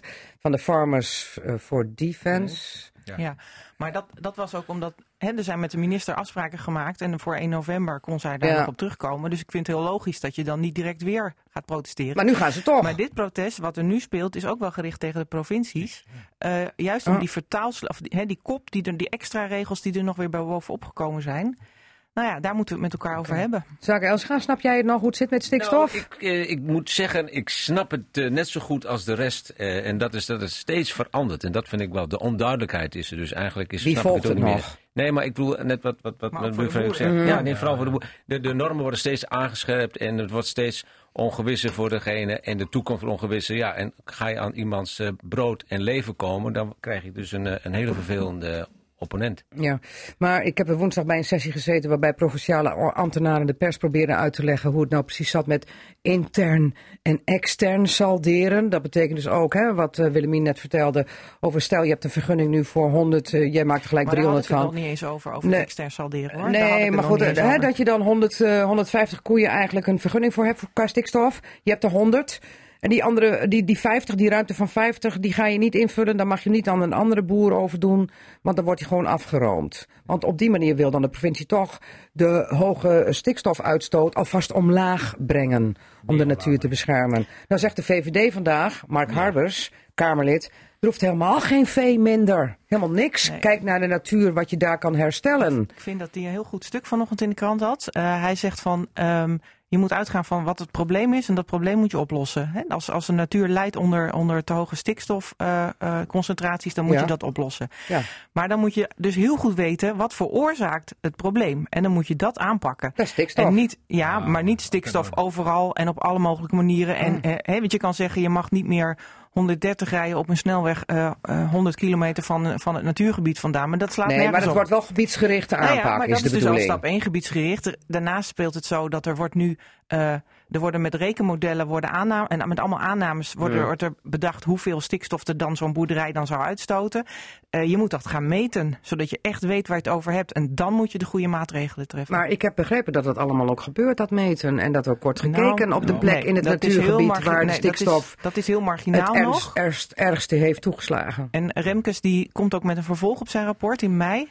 En daar gaat hij juist ook in op die hele methodiek van hoe je dat meet en of dat nou een goede methodiek is. Kortom, we zijn er nog lang niet vanaf van het stikstofgedoe, eh, Nico Uppelschoten. Nee, nee, maar ik denk ook, het is, we hebben nog voor de korte termijn moeten iets opgelost worden. Ja. Want de, de Nou ja, boeren- dat, dat houden de provincies op deze Ja, nee, manier om de vergunningen dat is- weer los ja, te trekken. ja, dat maar dit is een slag, maar dit is een slag die nog extra zwaar is voor de boeren. De, de Maar- oplossing van Carole Schouten, van de minister, dat is de oplossing waar we, de- waar we voor willen gaan. Nou ja, wij, wij ook niet eens, maar op korte termijn zo, eh, is er niet wat. Maar ik vind het grote probleem is dat we ook zouden moeten praten. Hebben we niet te veel Natura 2000 gebieden in Nederland, ook in Drenthe? En zijn de normen überhaupt niet veel te streng hier in Nederland? Want over de grens in Duitsland, daar zijn ze honderd keer Maar lager. dat- de les die ik heb geleerd is, oh, dat komt omdat wij op eh, veel minder vierkante kilometers zitten met 17 miljoen mensen dan in Duitsland. Want daar is het gebied veel groter en minder dicht bebouwd en minder intensieve veehouderijen. Ja, nou, allemaal weer Dat gekleed. scheelt. Nee, nee, ja, nee, nee, nee, nee. Want je rekent uit wat de, de stikstofdepositie is op een hectare. Het gaat dus over de schade die op een hectare natuurgebied wordt aangericht. En of dat land nou groot of klein is, dat doet er niet toe. Je Oh, kijkt ik op heb begrepen dat het wel degelijk uitmaakt. Nee, als je een heel groot land hebt, dan heb je heel veel natuur en heel veel gebied. Maar je rekent per hectare uit oké. wat de stikstofdepositie op die hectare mag zijn. En dan is het vervuilend of niet. En of het land groot is of klein, dat doet er niet toe. Maar Nou wij ja. hebben hier een hele hoge norm, wat niet, die, of grenswaarde, die niet gepasseerd mag worden met de stikstof. De grenswaarde is zelfs nul geworden nu. Ja, nu helemaal nul. 0,00 en het was We moeten- we moeten echt weer 0,0005. kijken naar wat is ons doel. Ons doel is natuur beschermen, bepaalde natuur behouden. En wat is daarvoor nodig? En we moeten echt die methodiek gaan aanpassen. Maar kort gezegd, zegt Nico Uppelschoten, eh haal een paar van die Natura 2000, het stempeltje Natura 2000 eh, gebied eraf. Want dat- dat zijn de plekken waar het dan het probleem zit. Ja, en ook misschien hebben we veel te makkelijk, er staat vanochtend ook in de krant van Henk Bleken, als eh, staatssecretaris die, die er toen was, voor het aanwijzen van de Natura 2000 gebieden, dat hebben we misschien veel te makkelijk. Ach ja, maar daar dan was iedereen toch bij met zijn volle nee, verstand. Nee, nee, nee, het leek... Achteraf je een koe in het gat, dan Ja, krijg je een dat hoop is stront altijd over je heen. Nee, maar goed, maar nu kun je zeggen, nee, maar nu kun je zeggen, misschien zijn we daar veel te makkelijk in geweest en hebben Ja. de consequenties niet overzien van wat dat betekent. Ja, maar dat is toch achteraf praten? Ja, nee, wat maar heb je dan? De, de bal is nou het schip aan het keren, dus we moeten dan wel wat doen. Oké, goed. En wat we gaan doen, daar is eh, eh, iedereen het nog niet helemaal over eens. In ieder geval gaan we eerst maar eens afwachten of het protest eh, bij het provinciehuis eh, maandag wat zin heeft. Staatszaken Elsing gaat er dan met zijn camera? Nee, die staat er niet. Die doet iets minder dit soort dingen. Maar ik hoop er wel dat het duidelijk uitkomt voor Oké. de partijen. Goed, eh, even heel snel door, want we hebben veel onderwerpen en nog weinig tijd. Waar de week eigenlijk mee begon was zetelroof. En dat vond ik toch wel een leuk onderwerpje, omdat de VVD hier aan tafel zit en ook de PVV. Het, het, het- Wieberen van Haga die heeft er twee weken over nagedacht. Die is eind september uit de VVD gezet omdat hij weer iets had gedaan wat niet in overleg was. Hij was toch met zijn eh, verhuurpraktijken als eh, vastgoedbaas bezig. En hij had ook al eens een keer met alcohol achter eh, gezeten. En dit was zijn laatste waar Twee keer geel is rood. Hij werd uit de fractie gezet. En hij ging heel lang nadenken wat hij nou met die zetel ging doen. Maar hij heeft hem nou meegenomen. Hij gaat Ja. dus een uppie verder. Ja, balen. Wat dacht Ja, balen.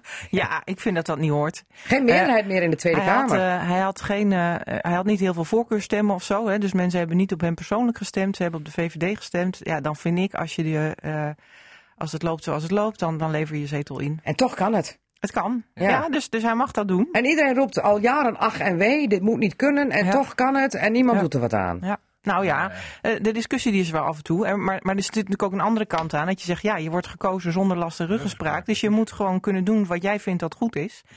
Ehm, ja, en, We en krijgen dan- er steeds meer partijtjes bij. Ik moest van de week de stemming in de Kamer volgen. En toen was volgens mij 50PLUS eh zo slim om hoofdelijke stemming aan te vragen. Maar ook als je fractiestemmingen hebt, dan duurt het alleen maar langer. Want al die fracties moeten bij langs gefietst worden, zeg. Ja. Ja. Ja. ja. En dan Nico Uppelschoten, die voelt hem ook wel aankomen. Ja, zeker. PVV Drenthe. Die hadden in Emmen een leuke, leuke fractie met drie zetels. Hè? Dat is toch hartstikke leuk. En daar is nog maar één van over. Ja, dat klopt. De laatste, de laatste die eruit is gegaan is Martijn Storm. Want die had ook een valse aangifte gedaan van bedreiging. En die had een strafblad. En die zou uit de fractie stappen. Die zou zijn zetel inleveren. Maar toch gaat hij verder als lijst Ja, nee, 13. dat, dat zijn, dus zeg het goed, zou, zou, zou. We hebben heel veel verhalen te horen gekregen. Ja. En eh, wij zijn vrij duidelijk geweest. Ten eerste, als je, ook al is het maar een taakstraf, je bent veroordeeld. Daar zijn we heel strikt in. Dan hoor je niet meer in de vertegenwoordiger orgaan te zitten. Dus voor ons was het buiten kijf. Deze meneer moet, eh, moet opstappen. En we zijn zeer teleurgesteld en ook boos. Dus dat hij dat niet doet. Maar ook met een soort argumentatie van, ja, ik zou bijna zeggen, het lijkt wel of eh, in de gemeenteraad zitten of statenlid zijn, dat het een werkverschaffingsproject is en dat mensen het doen vanwege het aanzien en het inkomen. Ja. En dat kan absoluut niet. Want hoeveel krijgt een raadslid eh, in Emmen? Heeft u dat even nagekeken nog? Nee, ik geloof 1500 euro of zo. Ja, ja, je kunt niet. er eigenlijk bijna wel van rondkomen dan. Als Het is een grote gemeente, hè? 100.000 plus gemeente. Ja, nou, ik zeg 1500, ik weet niet meer. Maar hier, als je zo beleeft, zal het ongetwijfeld kunnen. Nou ja, dus gaat het om de pegels en niet om de inhoud, Ehm, zegt u. eh, luister eens, ik heb argumenten gehoord die er voor mij vertaald op neerkomen. Het lijkt verdorie wel een werkgelegenheidsproject. Ja, ja, werkverschaffing. Maar dan Ja. zegt u het gaat om de pegels en niet om de inhoud. Eh, Ja, is de conclusie ja, ja, dan. denk ja, wel, ja. En laat ik zeggen, ik vind het in die zin ehm, eh, zonde dat we nu de drie hebben, maar de Nee, u had er drie, nee, Tom Kuilder en de, de huidige fractie die kunnen goed met elkaar. En ik heb het idee dat de meneer die weggegaan is ook een belangrijke oorzaak is geweest van de spanningen en de ruzies die daar ontstaan zijn. Maar daar heb je nu niks aan. Uiteindelijk heeft de PVV van 3 naar 1. Ja, nou, maar wie weet wat er verwonderen in de toekomst nog gebeuren. Maar Ja, ja, ja. En de PVV heeft natuurlijk ook ervaring mee in de Tweede Kamer. Vindt u niet dat het een keer tijd wordt om er toch iets aan te doen aan, aan het fenomeen zetelroof? Als je Nou. al niet met voldoende voorkeurstemmen Nee, zelf bent gekozen. ja, hè? nee. Maar dat vind ik dan een ander verhaal. Ja, nou, als, je, als je voldoende voorkeurstemmen hebt, dan is het, is het buiten kijf dat die zetel van jou is en dat je kunt doen en laten wat je wil. Ja. Maar ik ben het met Willemine eens, zonder last en ruggespraak. Want anders krijg je een ijzeren partijdiscipline waar je nooit van zijn leven onderuit kan. En ik vind toch ook dat je de ruimte moet hebben om te kunnen zeggen, ja, ik heb de begrip voor jullie dat doen, maar hier doe ik niet aan mee. Ja, maar ja, dan hoef je, toch, je kunt toch eens een keer binnen de fractie anders stemmen. Maar dan hoef je toch niet meteen met, met ijzeren eh, partijdiscipline overgehaald te moeten worden. Nee, maar het kan zijn Dat bedoel ik. Dat, dat je vaker in een positie komt dat je een standpunt inneemt die niet overeenkomt met de meerderheid. Ja. En dat je je afvraagt, wat zit ik hier nog te doen? Maar ja, dan zou voor mij ook te stemmen, wat zit ik hier te doen? Ik moet een zetel inleveren, ik moet Ja. uit die partij weggaan. Dat Ja, zou maar, wat, vind, wat, wat vind jij dan dat er moet gebeuren? Moet je dan zeggen van, nou ja, ik, heb, ik ben op de lijst van de PVV binnengekomen. Ik heb niet voldoende voorkeurstemmen. Dan hoort hij terug aan de PVV. Ik voel me toch Ja. niet thuis. Ja, nee, dat, dat vind Dat ik zou wel, moeten. Ja. Dat vind ik ook een ja. meest chique. Ja. Zaken, jij staat een beetje aan de zijlijn en Ja, jij overziet het luister slagveld en ik, denkt... ik volg het ook en eh, ik moet dan denken aan die meneer van de VVD dat ik dat dan zo volg. En dan denk ik van ja, eh, eh, eerst is hij verrast.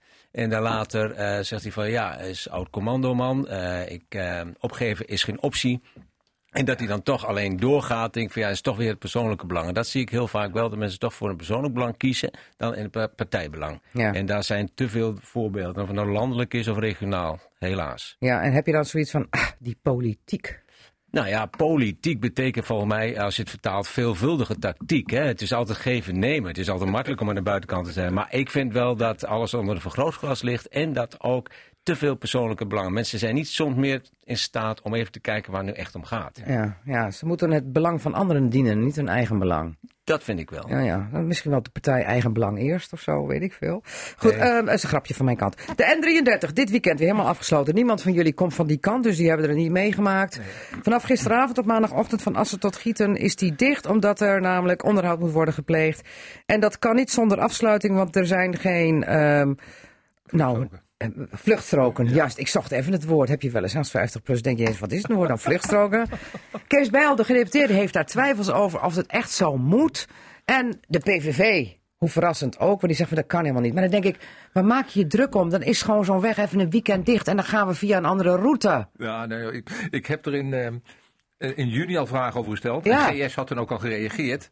En je kunt nu ook eh, weer op, eh, op de website zien dat er dan verhalen zijn. Het is heel gevaarlijk als we de twee banen daar een middenberm in zetten. Wat je in het buitenland heel vaak ziet. Hè, dat er een soort eh, flexibele middenberm in gezet wordt. En dat van de twee banen één baan nog gebruikt Ja, zodat het. En- verkeer toch nog heen en weer Ja. kan. En dan op andere van de, hè, de westzijde of de oostzijde. Nee, het is zo makkelijk gezegd. Ja, ik begrijp wel voor, eh, voor eh, die onderhoudsfirma is het het goedkoopste.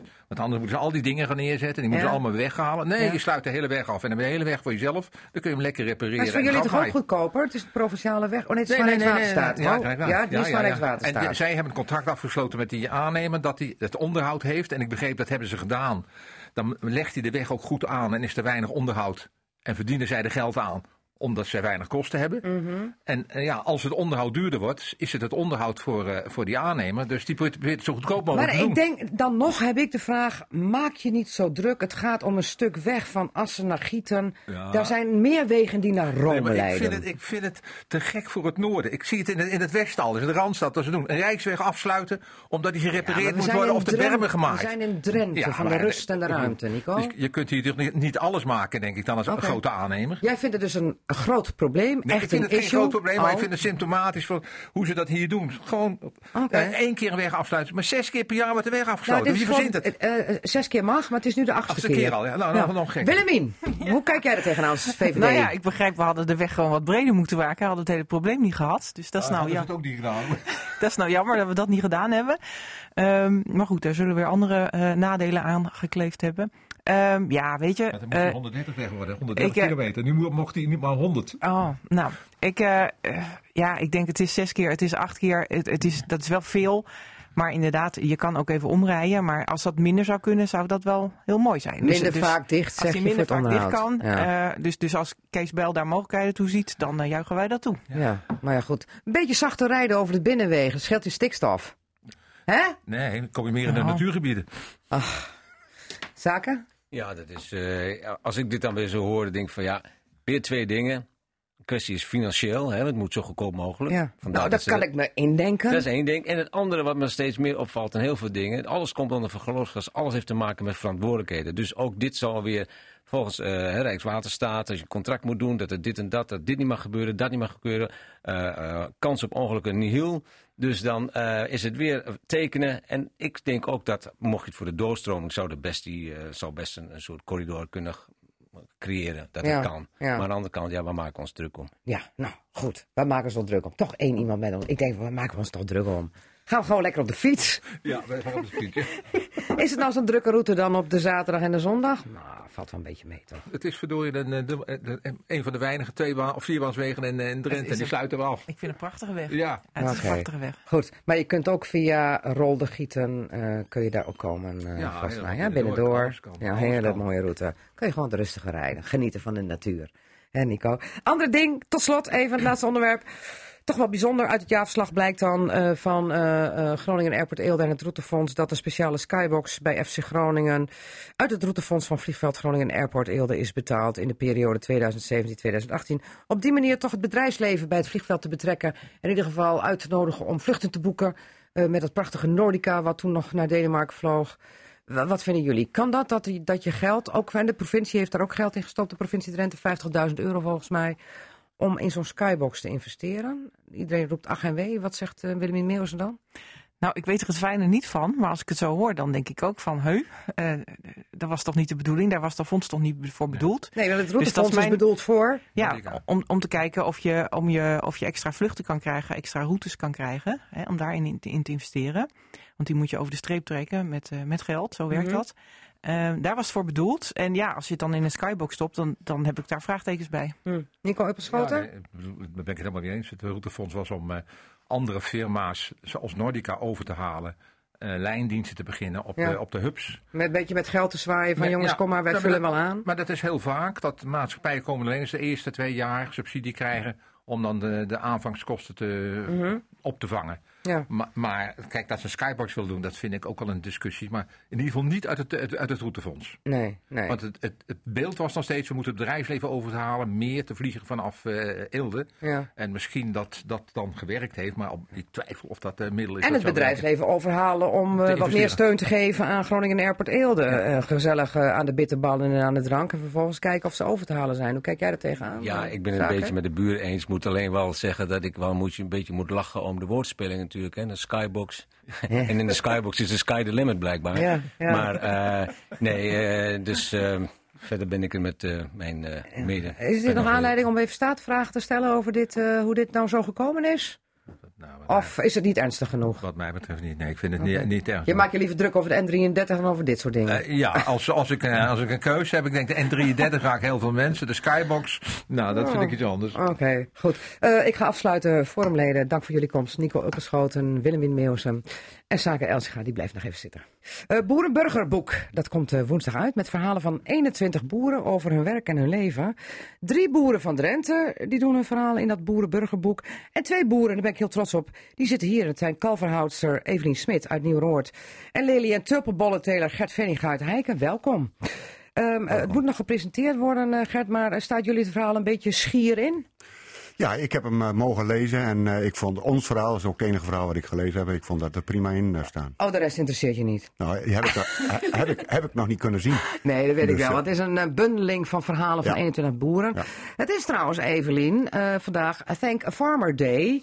Wisten jullie dat wel? Ik heb het vanochtend voorbij zien komen. Maar ben je al bedankt? Nog niet bedankt. Oké, en Gert ja, ook? ik Nee, wacht- ik ben ook nog niet bedankt. Ik wacht Nee. nog op die grote bosbloemen of eh, die stuk taart. Maar Ja, maar dit- dat is een Thank a Farmers Day. En dat is eigenlijk bedoeld dat consumenten boeren gaan bedanken. Maar als niemand het weet, dan werkt het toch niet? Klopt. Ja. Misschien, misschien moeten wij eh, dan de hand wel in eigen boezem steken. Dat we er ook iets meer bekendheid aan eh, gaan geven voor een volgend jaar. Spread the word. Yes. Thank a Farmers Day. Mensen, het kan nu nog. Ze zitten, wel, Gert Venninga zit volgens mij wel op Twitter. Ja. Ja, hè? en Evelien Smit ook. niet echt actief. Wel op Facebook zijn wij te Wel op vinden. Facebook, ook, oké. eh, Dus Evelien Smit en, en Gert Veninga zijn te vinden op Facebook en veel meer boeren. Het is dus Thank a Farmers Day. Als u de boer nog een bedankje zou willen geven. Ehm, eerst nog even naar Zaken Elsinga. Wist jij dat trouwens, Thank a Farmers Day? Ik heb het hier vandaag gehoord. Ja. Ik denk, ach, goede wijn geen krans, toch? Oh, oké, duidelijk. Ehm, ehm, eh, jij bent trouwens eh, over Boerenburgerboek gesproken eh, ook bezig met de boek. Of althans, misschien jij zelf niet. De Zilvermijnen van Drenthe, waarin dus een uitgebreid inkijkje wordt gegeven in de fotografie in de jaren tachtig in Drenthe. Wat zijn nou de momenten die we daarin voorbij komen? Poeh, nou, ik dacht van, ja, moet ik nog wat foto's meenemen? Maar dat was een beetje lastig. Maar als ik nu even snel in mijn hoofd denk, oh ja, die FAM-trein die eh, ontspoord was. De FAM sowieso, waar alles, eh, nog, eh, al het velden nog zo ligt. Dat is fantastisch in het begin van de FAM. Met al die meeuwen die Ja, is een vliegen. fantastische, hele mooie serie. Nu is het dus een, eh, een bult om tegenop te fietsen en Precies, te en, lopen. ik heb nog dat die gemaakt wordt langzamerhand. Eh dan heb ik nog een hele mooie serie ook van het radiotelescoop eh, begin jaren 80. Dat die geschilderd werd bovenin, heel mooi. Bij Westerbork. Ja, dat vind ik nog een van de mooiste series. Maar ook wat dacht je van Assen. We hebben hier nog het zwembad de Wil gehad, prachtig. Maar we hebben een o- Ooit ijsstadion een openluchtzwembad. IJsstadion hier nog openlucht met een WK schaatsen erin. Ehm, ja, zo, het komt en zoveel, maar ook als het bij me opvalt, ongelukken. Mm. Maar dit zijn, ja, dit zijn eh, visueel aardige ongelukken. Verder niks aan de hand, maar dan zie je dus een caravan die helemaal uit elkaar ligt op de A28. Dan zie je nog de Porsche erbij staan met twee, eh, met twee agenten. Mm. Heerlijk. En dan zie je daar... eh, De vroegere eh eh, Porsche ja, van de, van de, van Ja, de ja. snelweg. Ja, en dan staan er twee mensen die staan rustig op de, op, op de, zeg maar, half op de snelweg. Dat kan niet eens meer. Een taxi die gebeld wordt, zodat die mensen dan met de taxi weg kunnen. En ook dat zie je ding van nu is het alles wordt afgeschermd. En nu zitten gewoon mensen zitten er gewoon bij te kijken en zo. Terwijl iemand nog op een brancard weggebracht wordt. Het is een totaal andere tijd. En het gaat niet om de mooie ongelukken, maar het gaat wel om een kijkje in, in, in hoe, hoe alles veranderd is. Mooie ongelukken bestaan natuurlijk niet, hè? Nou, nee. Visueel gezien. Visueel gezien wel maar- mooie en, dat, en voor mij is een ongeluk waar verder niemand echt eh, last ja, van heeft. goed.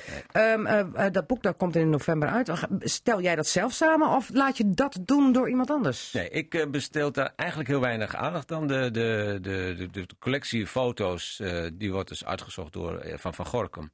En dan met de vormgever eh Geert Albers, die gaat het vormgeven. Gorkum is het Koninklijke Uitgeverij Ja. hier in Assen Ja. die vaak hele mooie boeken maakt. Ja, de Sonja, Sonja Geurts heeft het eh, uitgezocht, eh, meestal samen met, met haar collega. En, eh, en ik ga dan straks kijken van klopt het allemaal en wat nog mist, daar doe ik dan nog een paar goede dingen bij.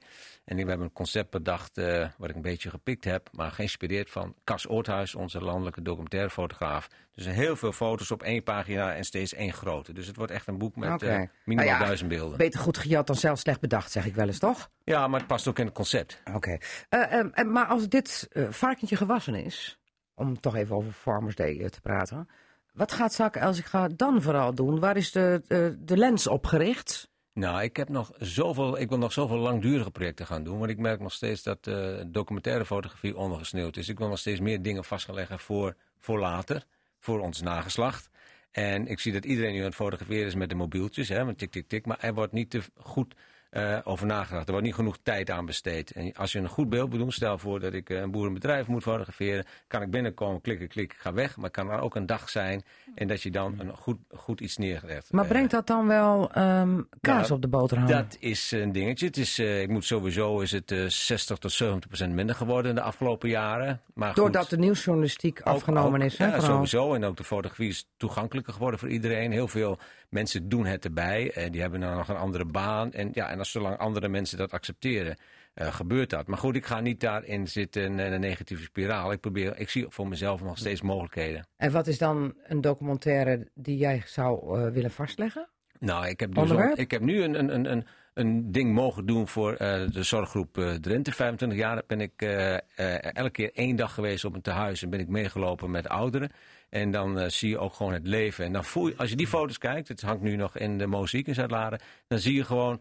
Ja, Het is te zien, eh, Ja, dat is nog te zien nu. Oké, Dus, eh, en de tot- mozaïek is een ouderencentrum. de mozaïek is zeg maar, een grote galerie en, eh, en, en, de, en de mozaïek is ook een tehuis, eh, een groot bejaardencentrum in, in Zuid-Laren. Oké. En dan zie je gewoon, als je naar die foto's kijkt, dat hoor ik de mensen, en mensen zeggen, goh, ik heb het gevoel dat ik bij die mensen zit. En dat is dus, je moet niet meer eh, eh, echt aanwezig zijn. Dus als, als, en dan, dan krijg je een heel mooi beeld. Ik wens jou veel eh, succes met alles wat je nog gaat doen. Dank dat je hier was. En eh, we gaan kijken wat we allemaal nog van jou horen, want we houden je natuurlijk in de gaten. Want eh, wie weet zit er ook nog weer eens een prijswinnende foto aan te komen. Wordt wel even weer tijd, hè? Na hoeveel jaar? Ja, ja, maar ik zit steeds in de jury, dus ik mag niet meedoen. Oh, dat is het. Heel wat anders. Nou ja, ook over een boek gesproken. Het Boerenburgerboek. Daar hebben eh, drie Drentse boeren aan eh, meegewerkt. Dat zijn Evelien Smit, kalverhoudster uit eh Nieuw-Roord. En Gert Veninga, de, de bloembollenteler uit Heiken. Boerenburgerboek. Evelien, leg eens uit. Wat is dat? Het is een boek geschreven door Carolijn van der Plas. En die heeft eigenlijk ons, ja, ons, eh, een serie boeren, heeft ze gewoon een week lang gevolgd. Dus wij plaatsen 's ochtends wat op Twitter. Carolijn vulde er gewoon de vragen eigenlijk uit. Zorgde ervoor dat de meeste vragen ook beantwoord werden. Dat was even voor alle goede orde Boerenburger tweet. Ja, klopt. Ja. Want dat is namelijk een, een Twitter-account, eh, Gert Veninga. Ja. Die is in het leven geroepen omdat... Om eh, eigenlijk eh, boeren. eh, wa- wat gebeurt er op de boerderij om dat aan de burger Ja. te laten zien? Een, En een dan- kijkje in de keuken van de boer. Ja, en dan eigenlijk elke week komt er elk, een, een andere boer te twitteren op Boerburger Tweet. En die vertelde wat over zijn bedrijf. Ja. En dat is dan de ene keer een kalverooster en de andere keer een akkerbouwer en dan weer een bloembollenteler. En die laten dan alles zien van wat zij die week aan het doen zijn. Maar Evelien, het ultieme doel daarvan is om begrip te kweken voor waar jullie mee bezig zijn, Ja, toch? Wij, eh, wij zeggen bij ons zelf eigenlijk, bij ons gebeurt er heel veel achter gesloten deuren. Omdat ja, de kalverhouderij gebeurt gewoon achter gesloten deuren. Hetzelfde is de varkenshouderij. Er is natuurlijk een bepaald deel, eh, een beeld neergezet door bepaalde groeperingen en dergelijke. Maar leg even heel kort wat het bepaalde beeld eh, is. Nou, om te voor, eh, wij Want je hebben- schrijft er ook even over in jouw verhaal, dan Ja. stip je het ook aan. Ja, wij, hebben, wij zijn 16 jaar geleden begonnen. Ook helemaal. Toen was dat nog een voormalige blankvleeskalverhouderij. Toen bestond 16 jaar geleden, toen was het ook net verboden. Toen bestond nog echt de kistkalveren. Dus blank vlees werd toen ook echt geassocieerd met. Ja, dat kalf ging die kist in, in een donkere schuur toen. En eh, ja, je probeerde gewoon een half jaar lang. probeer je dat kalf zo gezond mogelijk wel, maar tot een bepaalde. Ja, gezond was het Mensen zeggen dan van, die worden in de kist vet gemest Ja. en daarna geslaagd en opgegeten. Ja, klopt. En dat is Hoe al? Ja, maar dat is al 16 jaar, dat is 16 jaar geleden. Zo is het niet Nee, meer. wij doen het al eh, 16 jaar anders wat dat betreft. En wij zijn toen begonnen, toen werd ook net het verbod was er toen.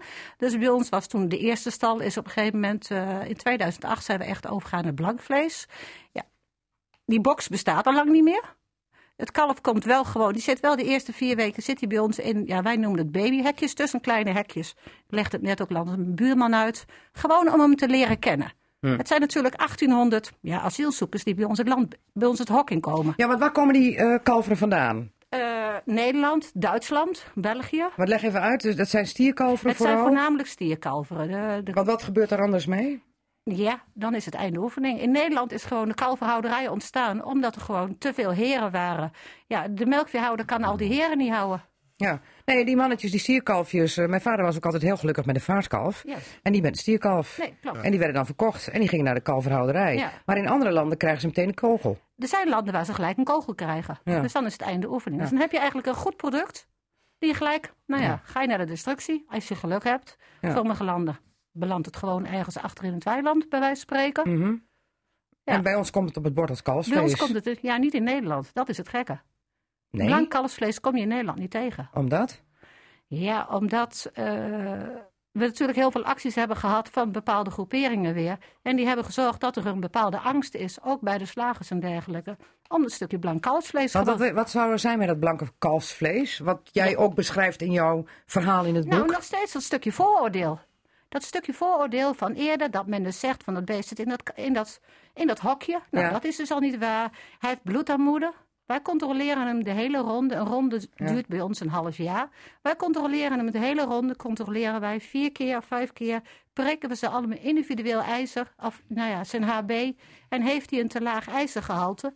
Dan krijgt hij. Want even voor duidelijkheid, mensen denken dat zo'n kalf bloedarmoede Yes. heeft. Hè? Ja. En daarom het blank kalfsvlees Ja. is, wij exporteren dat dus. Het gaat de hele wereld over. Ja. En zo'n misverstand komt dan aan de orde in Boerenburgertweet. En zo'n misverstand schrijf jij ook over in je verhaal. Ja. Voor begrip. Ja. Van mensen, het is een misverstand, het zit anders. Natuurlijk, alles is veranderd. Ja. En mensen denken ook van kalfjes zielig. Ja, maar dat, we hebben toen die week ook meegedaan. En de maandag en dinsdag hadden we behoorlijk veel activisten bij ons erbij. Maar men denkt ook dat het kalfje wat bij ons in, de, in het hok komt... dat het kalfje eigenlijk na een week of twee weken haast gelijk geslacht wordt. Hij gaat bij ons na een half jaar weg. En dan is het echt een knappe heer of dame hoor. Dan sta je er wel echt even tegenaan te Maar dan is het einde wel van het knappe heer en knappe dame. Ja. Eh, eh, eh, wat, wat minder gevoel hebben tul- tulpenbollen. Hij heeft toch ook wel? tulpenbollen. ja, dat weten we. ja, ze kunnen niet praten, maar misschien hebben die ook wel gevoel, Gert. Tulpenbollen en leliebollen. Maar als er ergens over gezeken eh, wordt in Drenthe, dan is het wel over die bollentelers. Die grote gifmengers. Dat is ook een reden dat jullie meegedaan hebben aan Boerenburgertweet om begrip te kweken? Absoluut, absoluut. Ja. Ja. Maar dat is ook een verkeerd beeld. Dat was heel duidelijk een, eh, een, eh, een eh, verkeerd beeld. En dat hebben we denk ik toch wel een beetje aan onszelf te wijten. In die zin dat wij eh, eh, dat wat vergelijkbare groeperingen als Evelien een beetje aangeeft. Wij hebben het ook een beetje onderschat. We dachten eh, 10, 20 jaar terug dachten we van nou dat waait wel over. Want het klopt ja niet helemaal. Dus dat waait vanzelf wel over. Nou ik denk dat we daar gewoon, wij als bollenteelers, maar ook wel in zijn algemeenheid als landbouw. Dat we dat soort dingen, daar hadden we eerder aandacht aan, aan, aan moeten besteden. En nou zitten we wel eens een beetje dat we er wat achteraan lopen. En, maar met zaken als nou dat je al met, de- met de rug tegen de muur staat en dat, je constant er- moet nou, verdedigen. Dat er, dat er, dat er eh, eigenlijk wat zojuist ook geschetst werd, dat er al een bepaald beeld is, die dus niet klopt. En dat je daar dan weer aan werken moet om dat beeld weer naar de waarheid te brengen. Ja. En als we daar dus even wat eerder aandacht aan besteed hadden met elkaar, en dan heb ik het niet alleen over de bollenteelt, maar landbouw in zijn algemeenheid. Ja. Ja, dan, eh, dan, eh, d- dan hadden we dat beeld direct juist neer kunnen zetten. En dat was, dat was eigenlijk he- heel belangrijk geweest, maar hebben we niet gedaan. Zit ook wel een beetje in die boerenvolksaard, die gaan niet zo snel. eh, nou, als mijn opa wist wat ik nou allemaal op Twitter zit te vertellen, dan Mhm. werd- werd hij helemaal. Ja, dan zegt eh, opa Twitter, wat is dat? Ja, nou goed, maar dat je zo over jezelf gaat praten, Ja. want dat deed je niet. Nee, eh, doe maar gewoon, doe je gek genoeg. Maar dat, is, een- dat, dat heeft wel tot gevolg gehad dat we nou soms wel een beetje achter de meter aan, aanlopen. Ja, en, en, en dat jullie dan zelf ook wel eens denken: verdomme, we zitten elke keer in het verdomhoekje. En daarom was er ook laatst die grote demonstratie richting Den Haag. Omdat de boeren wel een beetje zat waren hoe, hoe ze weg werden gezet. Dus op zich sluit het weer prima aan, dit boerenburgerboek, naar aanleiding van die tweets ook. Bij het verhaal dat de boer toch wel graag wil vertellen. En heb jij nou het idee dat, dat ook met dit boerenburgerboek. eh, dat dat weer een belangrijke bijdrage zal leveren aan ook hoe er dan bijvoorbeeld tegen de, hè, de kalverhouderij van Evelien aangekeken wordt. En, en tegenover jou. eh, eh, bollenteelt. Want jij Ja, hebt tulpenbollen en vooral lelie, eh, lelievelden. Ja, le- wij, wij telen lelies, wij telen tulpen, wij telen pioenen, wij telen gladiolen. Daarnaast hebben we ook nog suikerbieten. En we hebben de laatste vier, vijf jaar eh, is eh, ongeveer een vijfde tot een zesde van onze oppervlakte is tagetes, die eh, oranje bloemetjes. Oh, Die, de Afrikaantjes. De Afrikaantjes. Mogen we dat nog wel noemen of is dat discriminatie? En daar weet ik het vergeten. Daarom heet het tagetes. maar ik vind Afrikaantjes ook prima. Ja, dan We weet iedereen tenminste waar we, we het over hebben. eh, ja. Die oranje bloemetjes. Ja, we weten allemaal wat daarmee eh, bedoeld wordt. En dat, ja, dat gebruiken we dan ook weer om, de, om, de, om, eh, om eigenlijk als een soort biologische bestrijding, om aaltjes te bestrijden. Ja, waar we dan in hoef je er in ieder geval niet meer met een spuit overheen. Precies, precies. Ook weer goed voor het Ja. beeld van de Dat- ja. voor het beeld van de wolvenveel, maar ook weer om duidelijk te maken hoe wij nu werken. Ja. Wij werken Jullie niet meer zo- verduurzamen wel. Ja, wij werken niet meer zoals tien jaar terug. Nee. En dat verandert heel hard. Als ik kijk wat bij ons zeven, acht jaar terug nog dagelijkse praktijk was, wat er nu veranderd is. Nou goed, daar hadden we dan ook in dat Boer-Burger tweet in die week, kon je dat heel mooi laten zien. Dat wordt nou nog even weer voor het voetlicht gehaald. Eh, Met het boek, met de presentatie van het boek. Daar komt ook naast de kalverhooster, komt de akkerbouwer, maar ook wij als Bolletil komen daar nog even weer in. Alle eh, in sectoren van eh, ja, de boeren. Veel, ja, ik denk dat bijna alle sectoren wel eens een keer een week aan bod geweest zijn. Ja. En daar heeft eh, Caroline dus een, een selectie uitgemaakt en zei van oké, dat gaan we in dit boek naar voren brengen. Is het een eer dat jullie nu als Drenten ook uitgeselecteerd zijn om jullie verhaal in het boek te hebben? Ik voel het zelf wel als een eer. Ik weet niet of het een eer is, maar ik vind het zelf mooi dat ik in het boek sta. En dat, dat verhaal wat ik dan in die week heb laten zien van ons bedrijf, nou, dat dat nou in dat boek komt, nou, dat vind ik mooi. En Dat is er dan ook zoiets van, hè, hè, ik heb nu een manier, een platform om uit te leggen waar we mee bezig zijn en waarom, het, waarom we het doen. Waarom we Ja, spuiten, nou, waarom nou, we dat- Afrikaantjes neerzetten. Dat her-her-gevoel, dat is niet het. Maar dit, dit hoort erbij. Dit is ook een stukje waar je dat mee doet. En daarnaast eh, houden we ook elk jaar open dagen. En eh, nou, je gaf net al aan, we laten zien dat we op Twitter bezig zijn. Op Ja. Twitter laten we zien, op Facebook. Jullie laten we kunnen hier langs de velden, toch? Bij de tulpen eh, en zo, ja. tulpenroute. Nou, dat wordt dan dat wordt altijd door mijn vrouw en door, Ja. door een, een collega georganiseerd. Ook een we manier om te- aan we burgers te laten dingen- zien. Maar het hoort er allemaal bij. Het is alles. Het is al, En hoe zit het met jou, Evelien? Dat je toch ook een beetje het idee hebt van... nou, want je bent toen ook in die boerenburger-tweets eh, aangevallen inderdaad door... Want je hebt altijd een groep die gewoon vega is en, en het zielig vindt van de kalver... en het allemaal heel erg vindt. Heb je toch het idee dat je op deze manier het beeld wat hebt bij kunnen stellen? Ja, we zeggen altijd, je hebt drie groepen eigenlijk. Je hebt de groepen die gewoon echt geïnteresseerd zijn. Die vinden het gewoon heel mooi om te volgen. Je hebt de groep die zit een beetje in twijfel. Dus die gelooft eigenlijk beide kanten van het verhaal. Dus die, die gelooft dat kantje ook wel van die, nou ja, die hele extremisten wat dat betreft. En dan heb je die extremisten. Nou, die extremisten, die ga ik toch niet veranderen. Dus daar hoef ik eigenlijk, dat zei Caroline toen ook heel goed tegen ons, daar hoef je ook geen poging voor te gaan doen. Maar zorg er in ieder geval dat het stukje wat twijfelt, dat die het goed gaat snappen. Ja. En ga open om met wat je Ja. doet op je boerderij. Ja, Ja, klopt. maar dat Wij hebben wel. een Facebookpagina, plaatsen we gewoon heel vaak dingen wat we doen. Eh, dan kijk je gewoon van, hé, hey, waarvoor doen wij iets? Wat gebeurt er vandaag bij ons? Ja, open dagen zijn bij ons gewoon heel lastig, omdat je niet zomaar hele hordes in één keer in de Nee, stallen heeft met dieren en met Ja. eh, diergezondheid te maken en met besmettingsgevaar. Hè? We hebben wel twee keer hebben wij een eh, boerinnenochtend gehad. Dus dat was eigenlijk gewoon alleen voor boerinnen. Van, hé, hey, wat gebeurt er nou met jouw kalf op het moment Hm. dat het weggaat? Het zit nog wel een beetje bij ons in het idee ook nog om te gaan zeggen voor scholieren en dergelijke. Van, hé, hey, wat gebeurt er nou met, om uitleg te gaan geven? Ja. Wat gebeurt er? Oké. Ja.